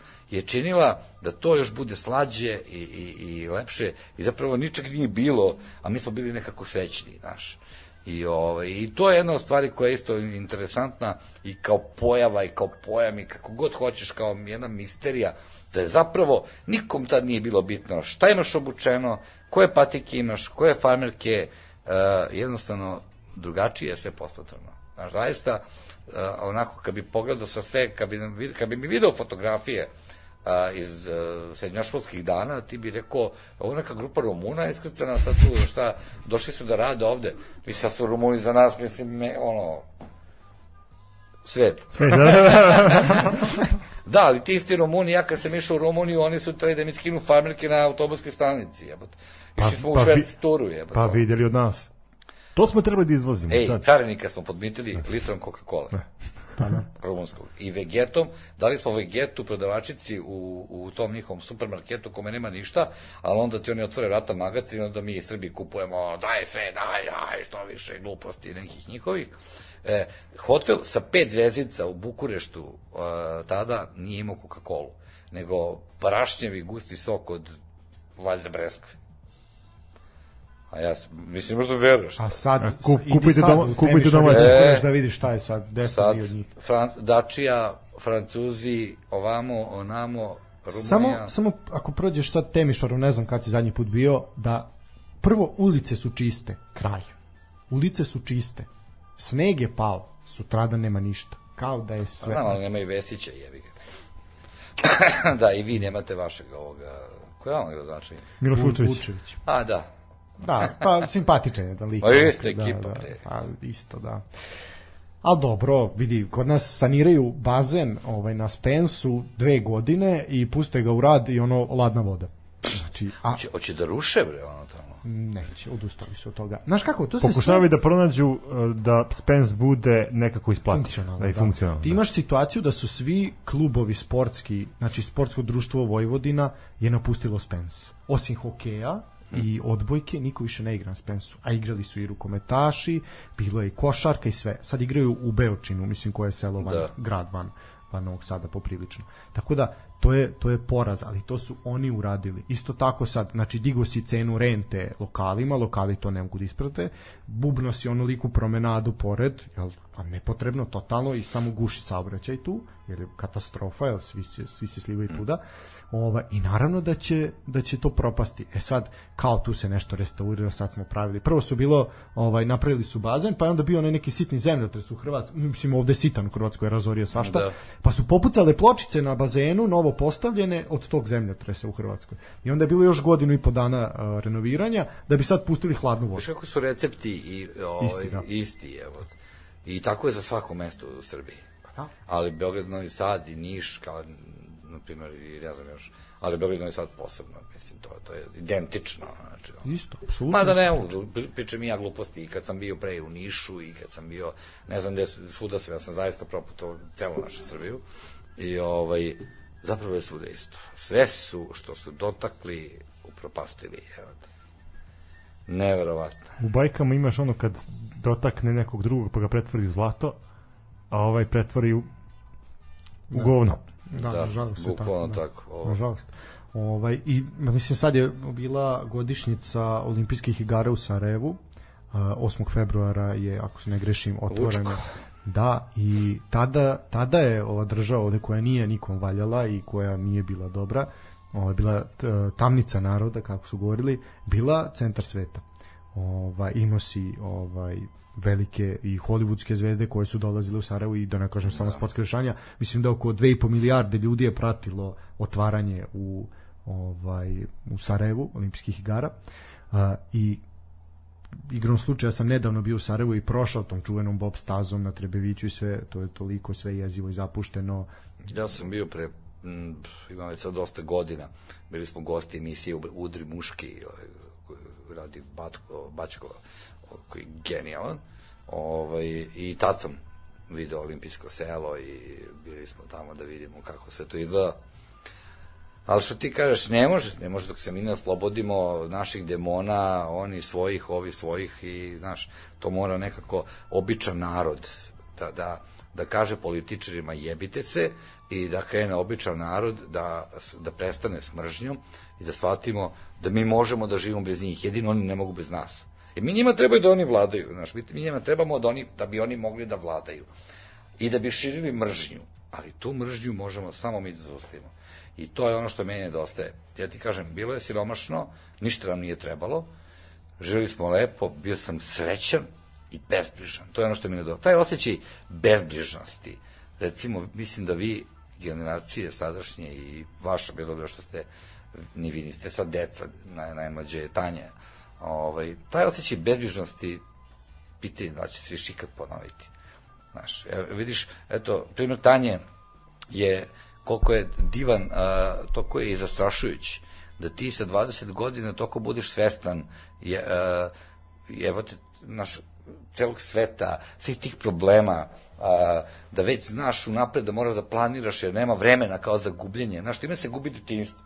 Mi smo bili deca, bre, do dva, ja ne znam, mislim da ti, zaista, to kad poredim, to je zaista nebo i zemlja. Znaš, naša bezbrižnost uh, se vodila ne u smislu onom kako to u Srbiji obično bude, živiš s roditeljima do 54.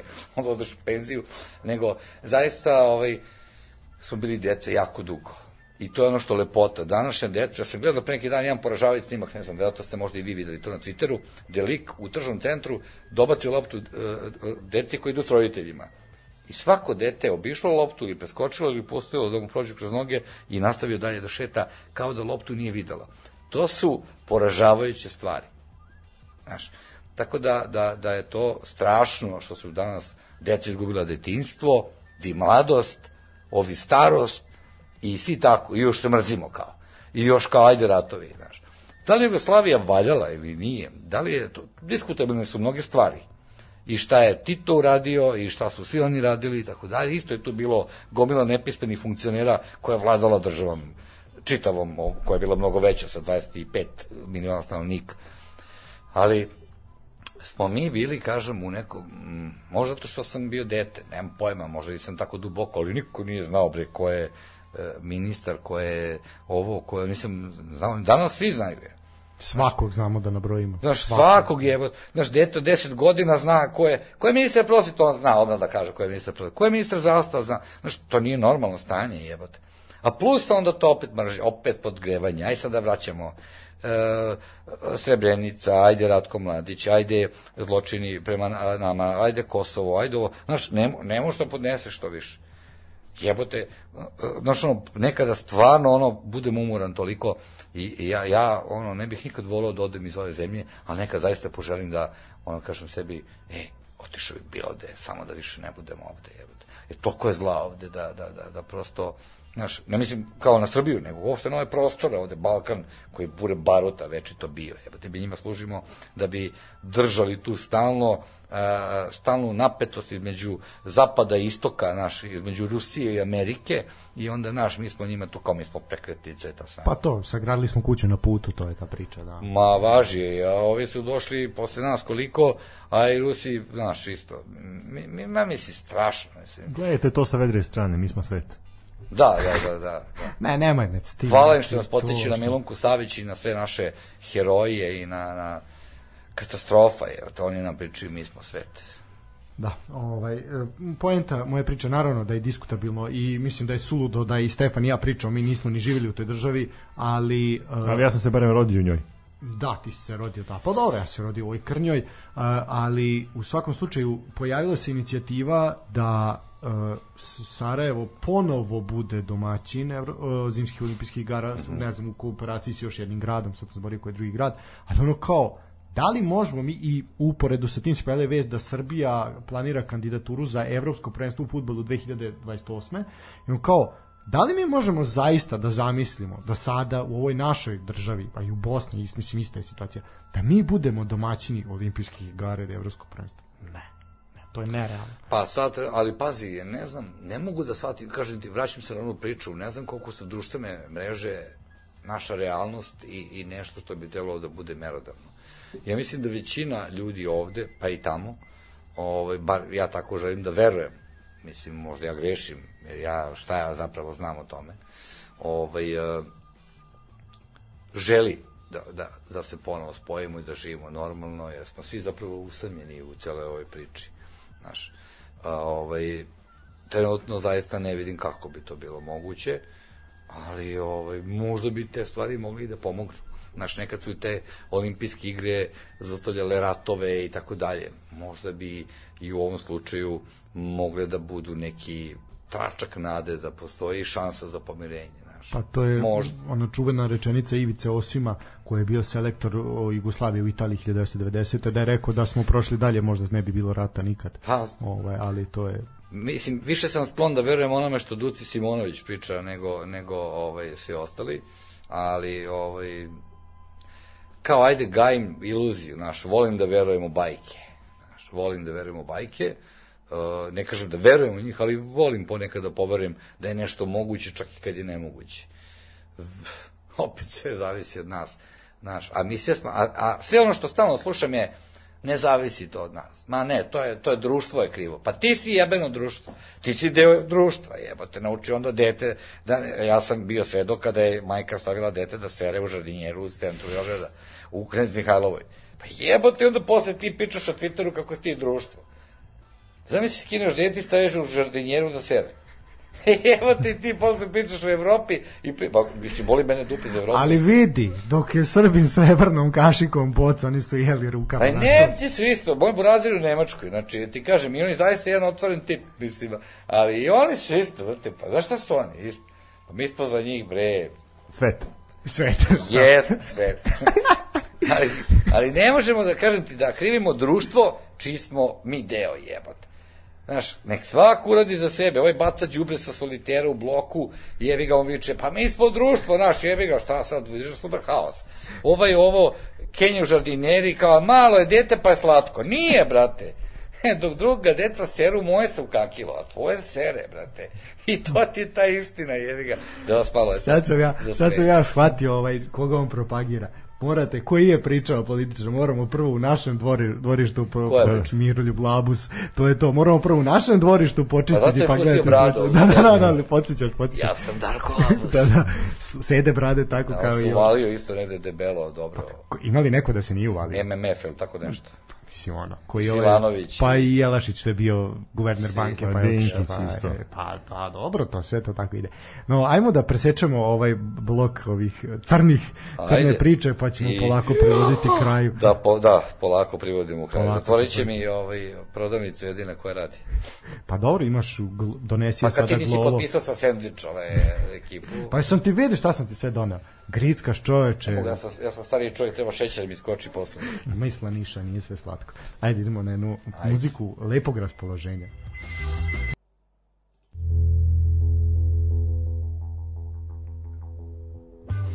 Dirnula me pesma, moram da priznam, ipak je dan zaljubljenih. Ali evo, približavamo se kraju i dana zaljubljenih i naše emisije. pa dobro sad će 8. mart Znaš ti da ja Sandra nismo jedan drugom česti- čestitali dan zaljubljenih uopšte. Eto, mogu bi sad ovo da Ne, ja- uradiš. ja- Ne, ali pravi, pravi, ne. pravi ljubavni parovi ne čestitiju te Tako fake je, praznike. Znači, ja, ja ne mogu, danas je toliko jezivo bilo proći gradom. Znači, Svi sa ružama. I sa bocom vina zbog svetog trifuna. Ceo dan danas pitanje svuda svi. A, Valentinovo ili Trifun, jevat. Prvo nisam znao uopšte da Trifuna, dok nije postojao taj sveti, bio pre isto kad sam ja bio klinac dan zaljubljenih, a onda u skorije vreme kao, ajmo mi svetog Trifuna. Pa znam, ali nije ovo zaštitnik vina i vinogradara, a ovo je dan zaljubljenih. Mislim, što ne bi svako slavio sve što hoće da slavi? a na, da, ali, znaš, ono, kod nas se, opet, opet je to pitanje ekstrema. Znači, isto koji za 8. mart. Za 8. mart se svi setimo prava žena. I onda, ajde ovo što je pogrešno ovaj dan zaljubljenih, ajde, to, to je za šamaranje. Ali, e, kad naš za 8. mart kao, to je praznik naših mama, bakama, da Pa, pa što prekupujemo onda cveće. devojčica sa 13 godina šetaju sveće? Pa nije, Ja, muškarci najpijaniji, brate, za smrt. Da, ono kao naš, sad ćemo izvesti, naš, taj dan ću te izvesti iz kuće, ono odvojiti od Yes. šporeta i odvesti na Ženo. večeru. Da, to, to, to. Ostav pasulj za sutra, skidaj kecelju, polazi. Da, to je to, naš. I onda kao, ali prvo, to nije point 8. marta.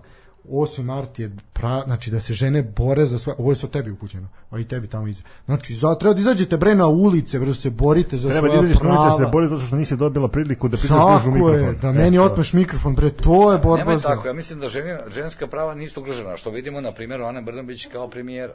Ali Ana Brnić je jedina žena koja prava nisu uskraćena. Znaš, da li znaš još drugu ženu koja je dozvoljena da bude u gej braku u Srbiji? A to ne. Eto, I da usvoji dete, ako se ne. I da usvoji dete, da.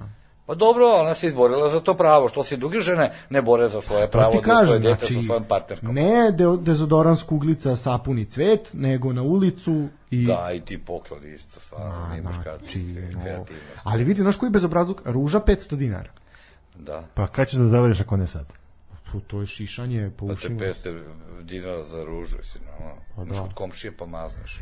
Ceci, samo imaš oštre makaze i brze patike. Ima na groblju isto besplatno, bre. Kako izgleda cvete cvet, je. Pa dobro, ne može baš svaki cvet pokloniti. A možeš, bitno da je neparan. ne, uopšte te priče o tim praznicima a, u zadnje vreme samo bedače, zato što izazivaju samo ono najgore ljudima. Čak i tada. Dan zaljubljenih Sveti Trif. A, onda, 8. mart, ja ne slavim ova slavi, ja ne slavim ova slavi, onda muškarci pijeni, oni se najviše vesele. Ja najviše volim kad prođu svi praznici, Pa to ne više volim 1. januar ili E, drugi, naš, kad pa prođe šta kao onda, evo, ide ti dan zaljubljenih, evo, ide ti ovo, ide ti ono, naš, non stop ti praznici, brate, koji nešto dele.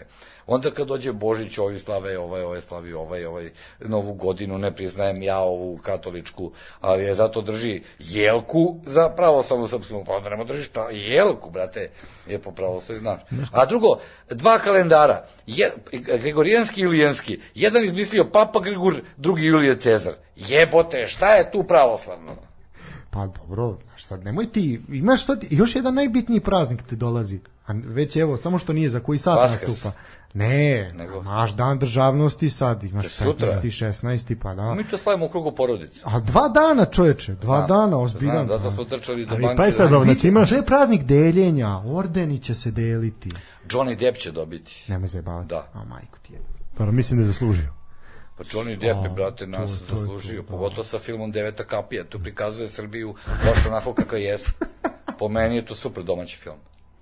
Kad smo kod praznika imaš eto čet, imaš 14. koji je dan zaljubljenih, imaš 15. i 16. državni praznik i onda dolazi najveći praznik koji eto mi praktikujemo, a to je naš prvi rođendan.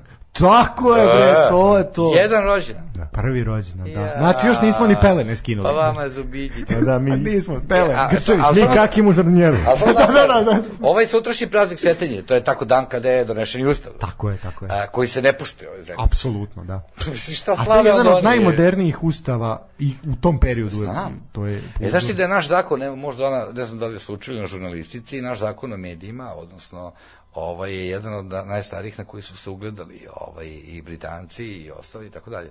A mi danas imamo poplavu e, copy-paste novinara i novinara koji ne smije da kaže svoje mišljenje, jer zamisli, molim te, znaš, nisu oni ludi da se bave istinom, pa treba neko da ih napadne. Znaš, a, a za, najmoderniji, najmoderniji zakon. A? Tako da mi smo sve ovde postavili da svima drugima bude bolje, a nama lošije, i doneli smo a, najveći pravni akt jedne države koji ne poštuje niko. Tako je. Apsolutno. Od prvog čoveka države pa onda da. nadalje, da. Sva sreća pa je opozicija se izmakla da ovi lakše mogu da donesu taj zakon o, ovaj, o Da ne gledamo refer- farsu. referendumom. Da, da, jer ovako je mnogo bolje da oni to dobiju odmah, da A mogu da šta, promene. treba Šešelj opet iz Skupštine da Pa iznosi? da, pa ne, ovako Ne, krene zvonce, sad ne može ga iznese niko. Može O, bager ako može ovi tinta, Pa dobro, ako opet pozovu bagero nešto je a ne ruši, može bager, ga- bager ide da, da razbija demonstracije. Pa da, i ruši po ga. Ne, ovdje dobiješ zvonce i onda pritisneš taster i to je tu kao majmun.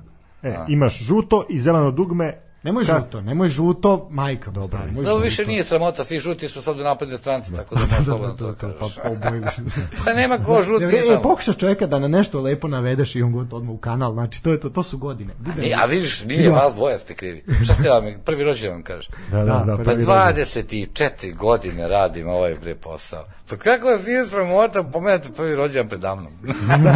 Doli, doli da me zajebao. Gledaj ih Ali počeli. da prvi rođendan se pozivaju gosti. Dobro, da, Ovo ajde. 24. to. Ovo je sad kao krštenje. ono, prvi rođendan ili Doneću krštenje. vam onda, šta vam donesem? Novinarski kodeks vam ne treba, vi radite podcast. Da, nakon- po, pogazili smo sve kodekse tu, nema. Šta, koji kodeks mora poštovati? Ne morate ni jedan. Mada vi možete da budete, ja sam član NUNS-a. Ovaj, Isto. recimo. Da, Pa UNS ne bi ušao ni mrtav. Ovaj, ja sam član UNS. Vi spadate kao digitalni kreatori, ovaj, to, ali ne morate poštovati kodeks, jer ovo je podcast, slobodna forma, nezavisno novinarstvo, jedino sad za YouTube pravila ne znam. Pa I tu se borimo. I tu se borimo. Ma ja gledam da me ukinu i tu.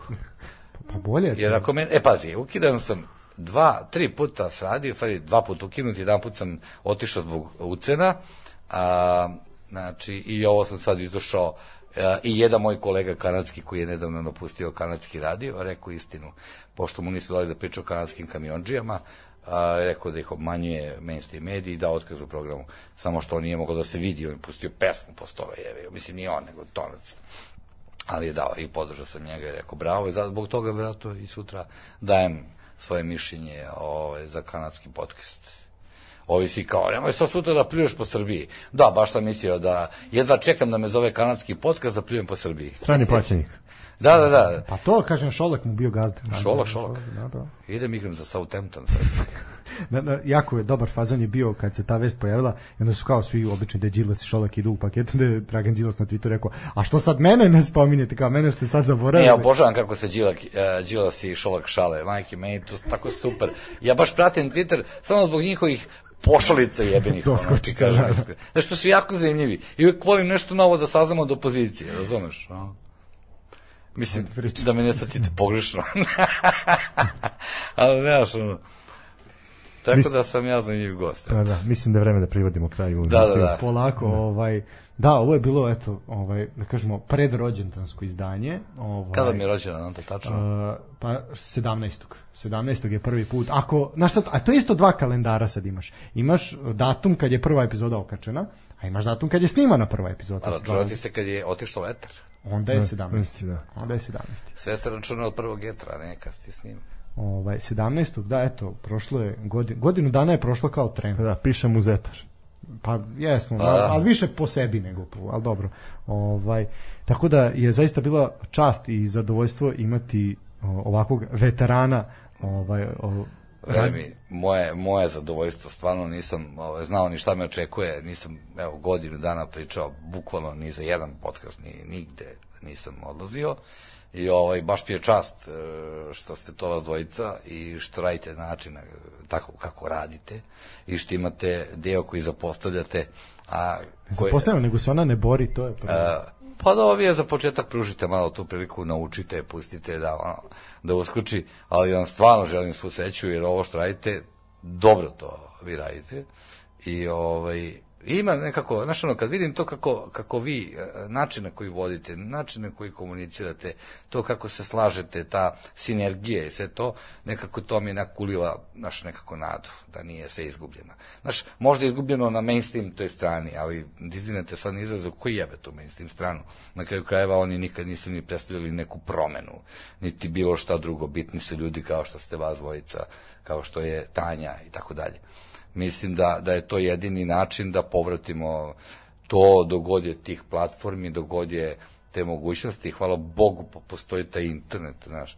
Ove, tako da on pruža mogućnost da može da se čuje i ovako jedno mišljenje dva, odnosno tri mlada pametna čoveka. Pa hvala, Hvala tebi mnogo što ste me pozvali, tebi zaista. na Hvala, hvala tebi zaista što si došao, što si se patio ovaj, da pronađeš patnik Nisam, po bilo Novom mi je Sadu. zadovoljstvo, veruj mi, Ovaj, volim malo ja tako da karikiram, ali ovo mi je bila i prva prilika da negde malo mrdnem, a da to više ne budu oni zidovi među kojima se nalazim i u koje su me smestili, stvari u koje sam sam sebe smestio, uh, zato što sam takav kakav jesam, ali sam uživao zaista ovde. E, moj ovako zadatak za tebe bi će biti da u nekom narednom periodu, ja se nadam da ćeš nam ponovo doći, Vrlo rado. ovaj, ali će biti zadatak da onda bude forma emisije kako mi inače radimo, a to se bavimo domaćim sportom, pa ću ti ja reći šta malo da obratiš pažnju. I problema. nas zanima onda i komentar sa, sa takve strane. Ovaj, mislim da će to onda tek biti, biti Da te sve. uvaljamo u blato. Da te uvaljamo u naše blato domaće, da. Uvaljajte me slobodno u blato, ali ovaj, džabe, ja- meni je kasno sad da učim u futbalerima, razumeš, uh, i njihovim prelascima. znaš. Vidi, dovoljno je da pogledaš kako izgleda teren u Nišu na. Video sam. To, te stvari znam. Da, e to, to je dovoljno. Pogledaš ili Te kako stvari izgleda znam. slačionica, sad ću ti pokazati sliku na kraju da vidiš kako se ruše zidovi u slačionici dok su fudbaleri unutra. Ovaj, et, to naš, o tome malo da pričamo od sledeći put. Ali, ali vidi, nećemo se mi, ovaj, znamo mi gde je Beograd, naš, imamo tag uređe za, nećemo čekati na naplatnoj rampi. Tako Možete i vi kod mene da dođete, ovaj, pazi, ja sam još rekao da više neću pozivati goste, ali bih uh, vrlo rado vas ugostio da vas bacim ja na moj teren. Da, da onda malo, malo vratim za ovo matori debelo da vidim. da, da, da, da, da. A nisam vadao to kuga, sam sam spršao još. Nije, dobar si, dobar si, dobar si. Kakav Koliko- si bio, dobar si. Koliko sedim kući, koliko se ja ne pomeram. Ovo je odlično. Šta je tebi, pa ja. Tako da, mnogo vam hvala još jedan put što sam ovaj, imao priliku da, da razgovaram s vama. E, pa hvala tebi Darko, evo i sa moje strane. Da, ja ću samo još jedan put upasti reč, ja se odjavljujem za večeras. Ovaj, ja ću najaviti e, epizodu u četvrtak, pošto Stefan neće biti tu, on ide put inostranstva, ali ćemo se bazirati na istu stvar, ti ćeš biti uživo na terenu, šaljemo ga kao dopisnika, ovaj, a Tanja i ja ćemo biti ovde u studiju, mi ćemo proslavljati uz tortu naš prvi rođendan i baviti se pre, prethodnim vikendom jel, sa strane rezultata futbala, košarke, odbojke, Tanja klima glavom, sve to smo pripremili. Ovaj, tako da bila je čast Darko, zaista ovo je s jedne strane ispunjenje mojih dečačkih snova, ovaj da eto imam svoju radio emisiju koju sam negde i hteo da napravim slušajući i tebe i Marka. Ovaj i to je bilo negde ja želim da budem takav kao oni i da kažem tako i da se ne bojim i negde naravno u svom nekom fazonu ova, i smatram da i Stefan i ja i Tanja i Toza i svi ovde momci koji su dolazili i devojke da nam budu gosti da se trudimo da negde idemo tome i da taj plamen koji ste i vi zapalili, a i ljudi pre vas, ovaj, da i mi nastavimo i da možda nekom otvorimo oči, možda nekom pokažemo da stavi prst na čelo i da se zapita, možda može i drugačije. Od sa moje strane i sa strane svih mojih prijatelja, tebi zaista jedno veliko, veliko hvala. Učinio si prvenstveno mene jako srećnim, a onda i sve, sve moje drugare koji te vole i poštuju. Toliko ljudi od mene, mi se čujemo u četvrtak. Stefan, izvoli. Pozdrav ljudi. probili smo termin naš, ali nema veze, imali smo razlog da to uradimo, imali smo gosta koga je bilo vredno slušati. To bi bilo to za ovo uključenje, naredno uključenje, kao što ste već čuli, bit će naše specijalno, eto, slavimo prvi rođendan. Do sledećeg slušanja, sportski pozdrav!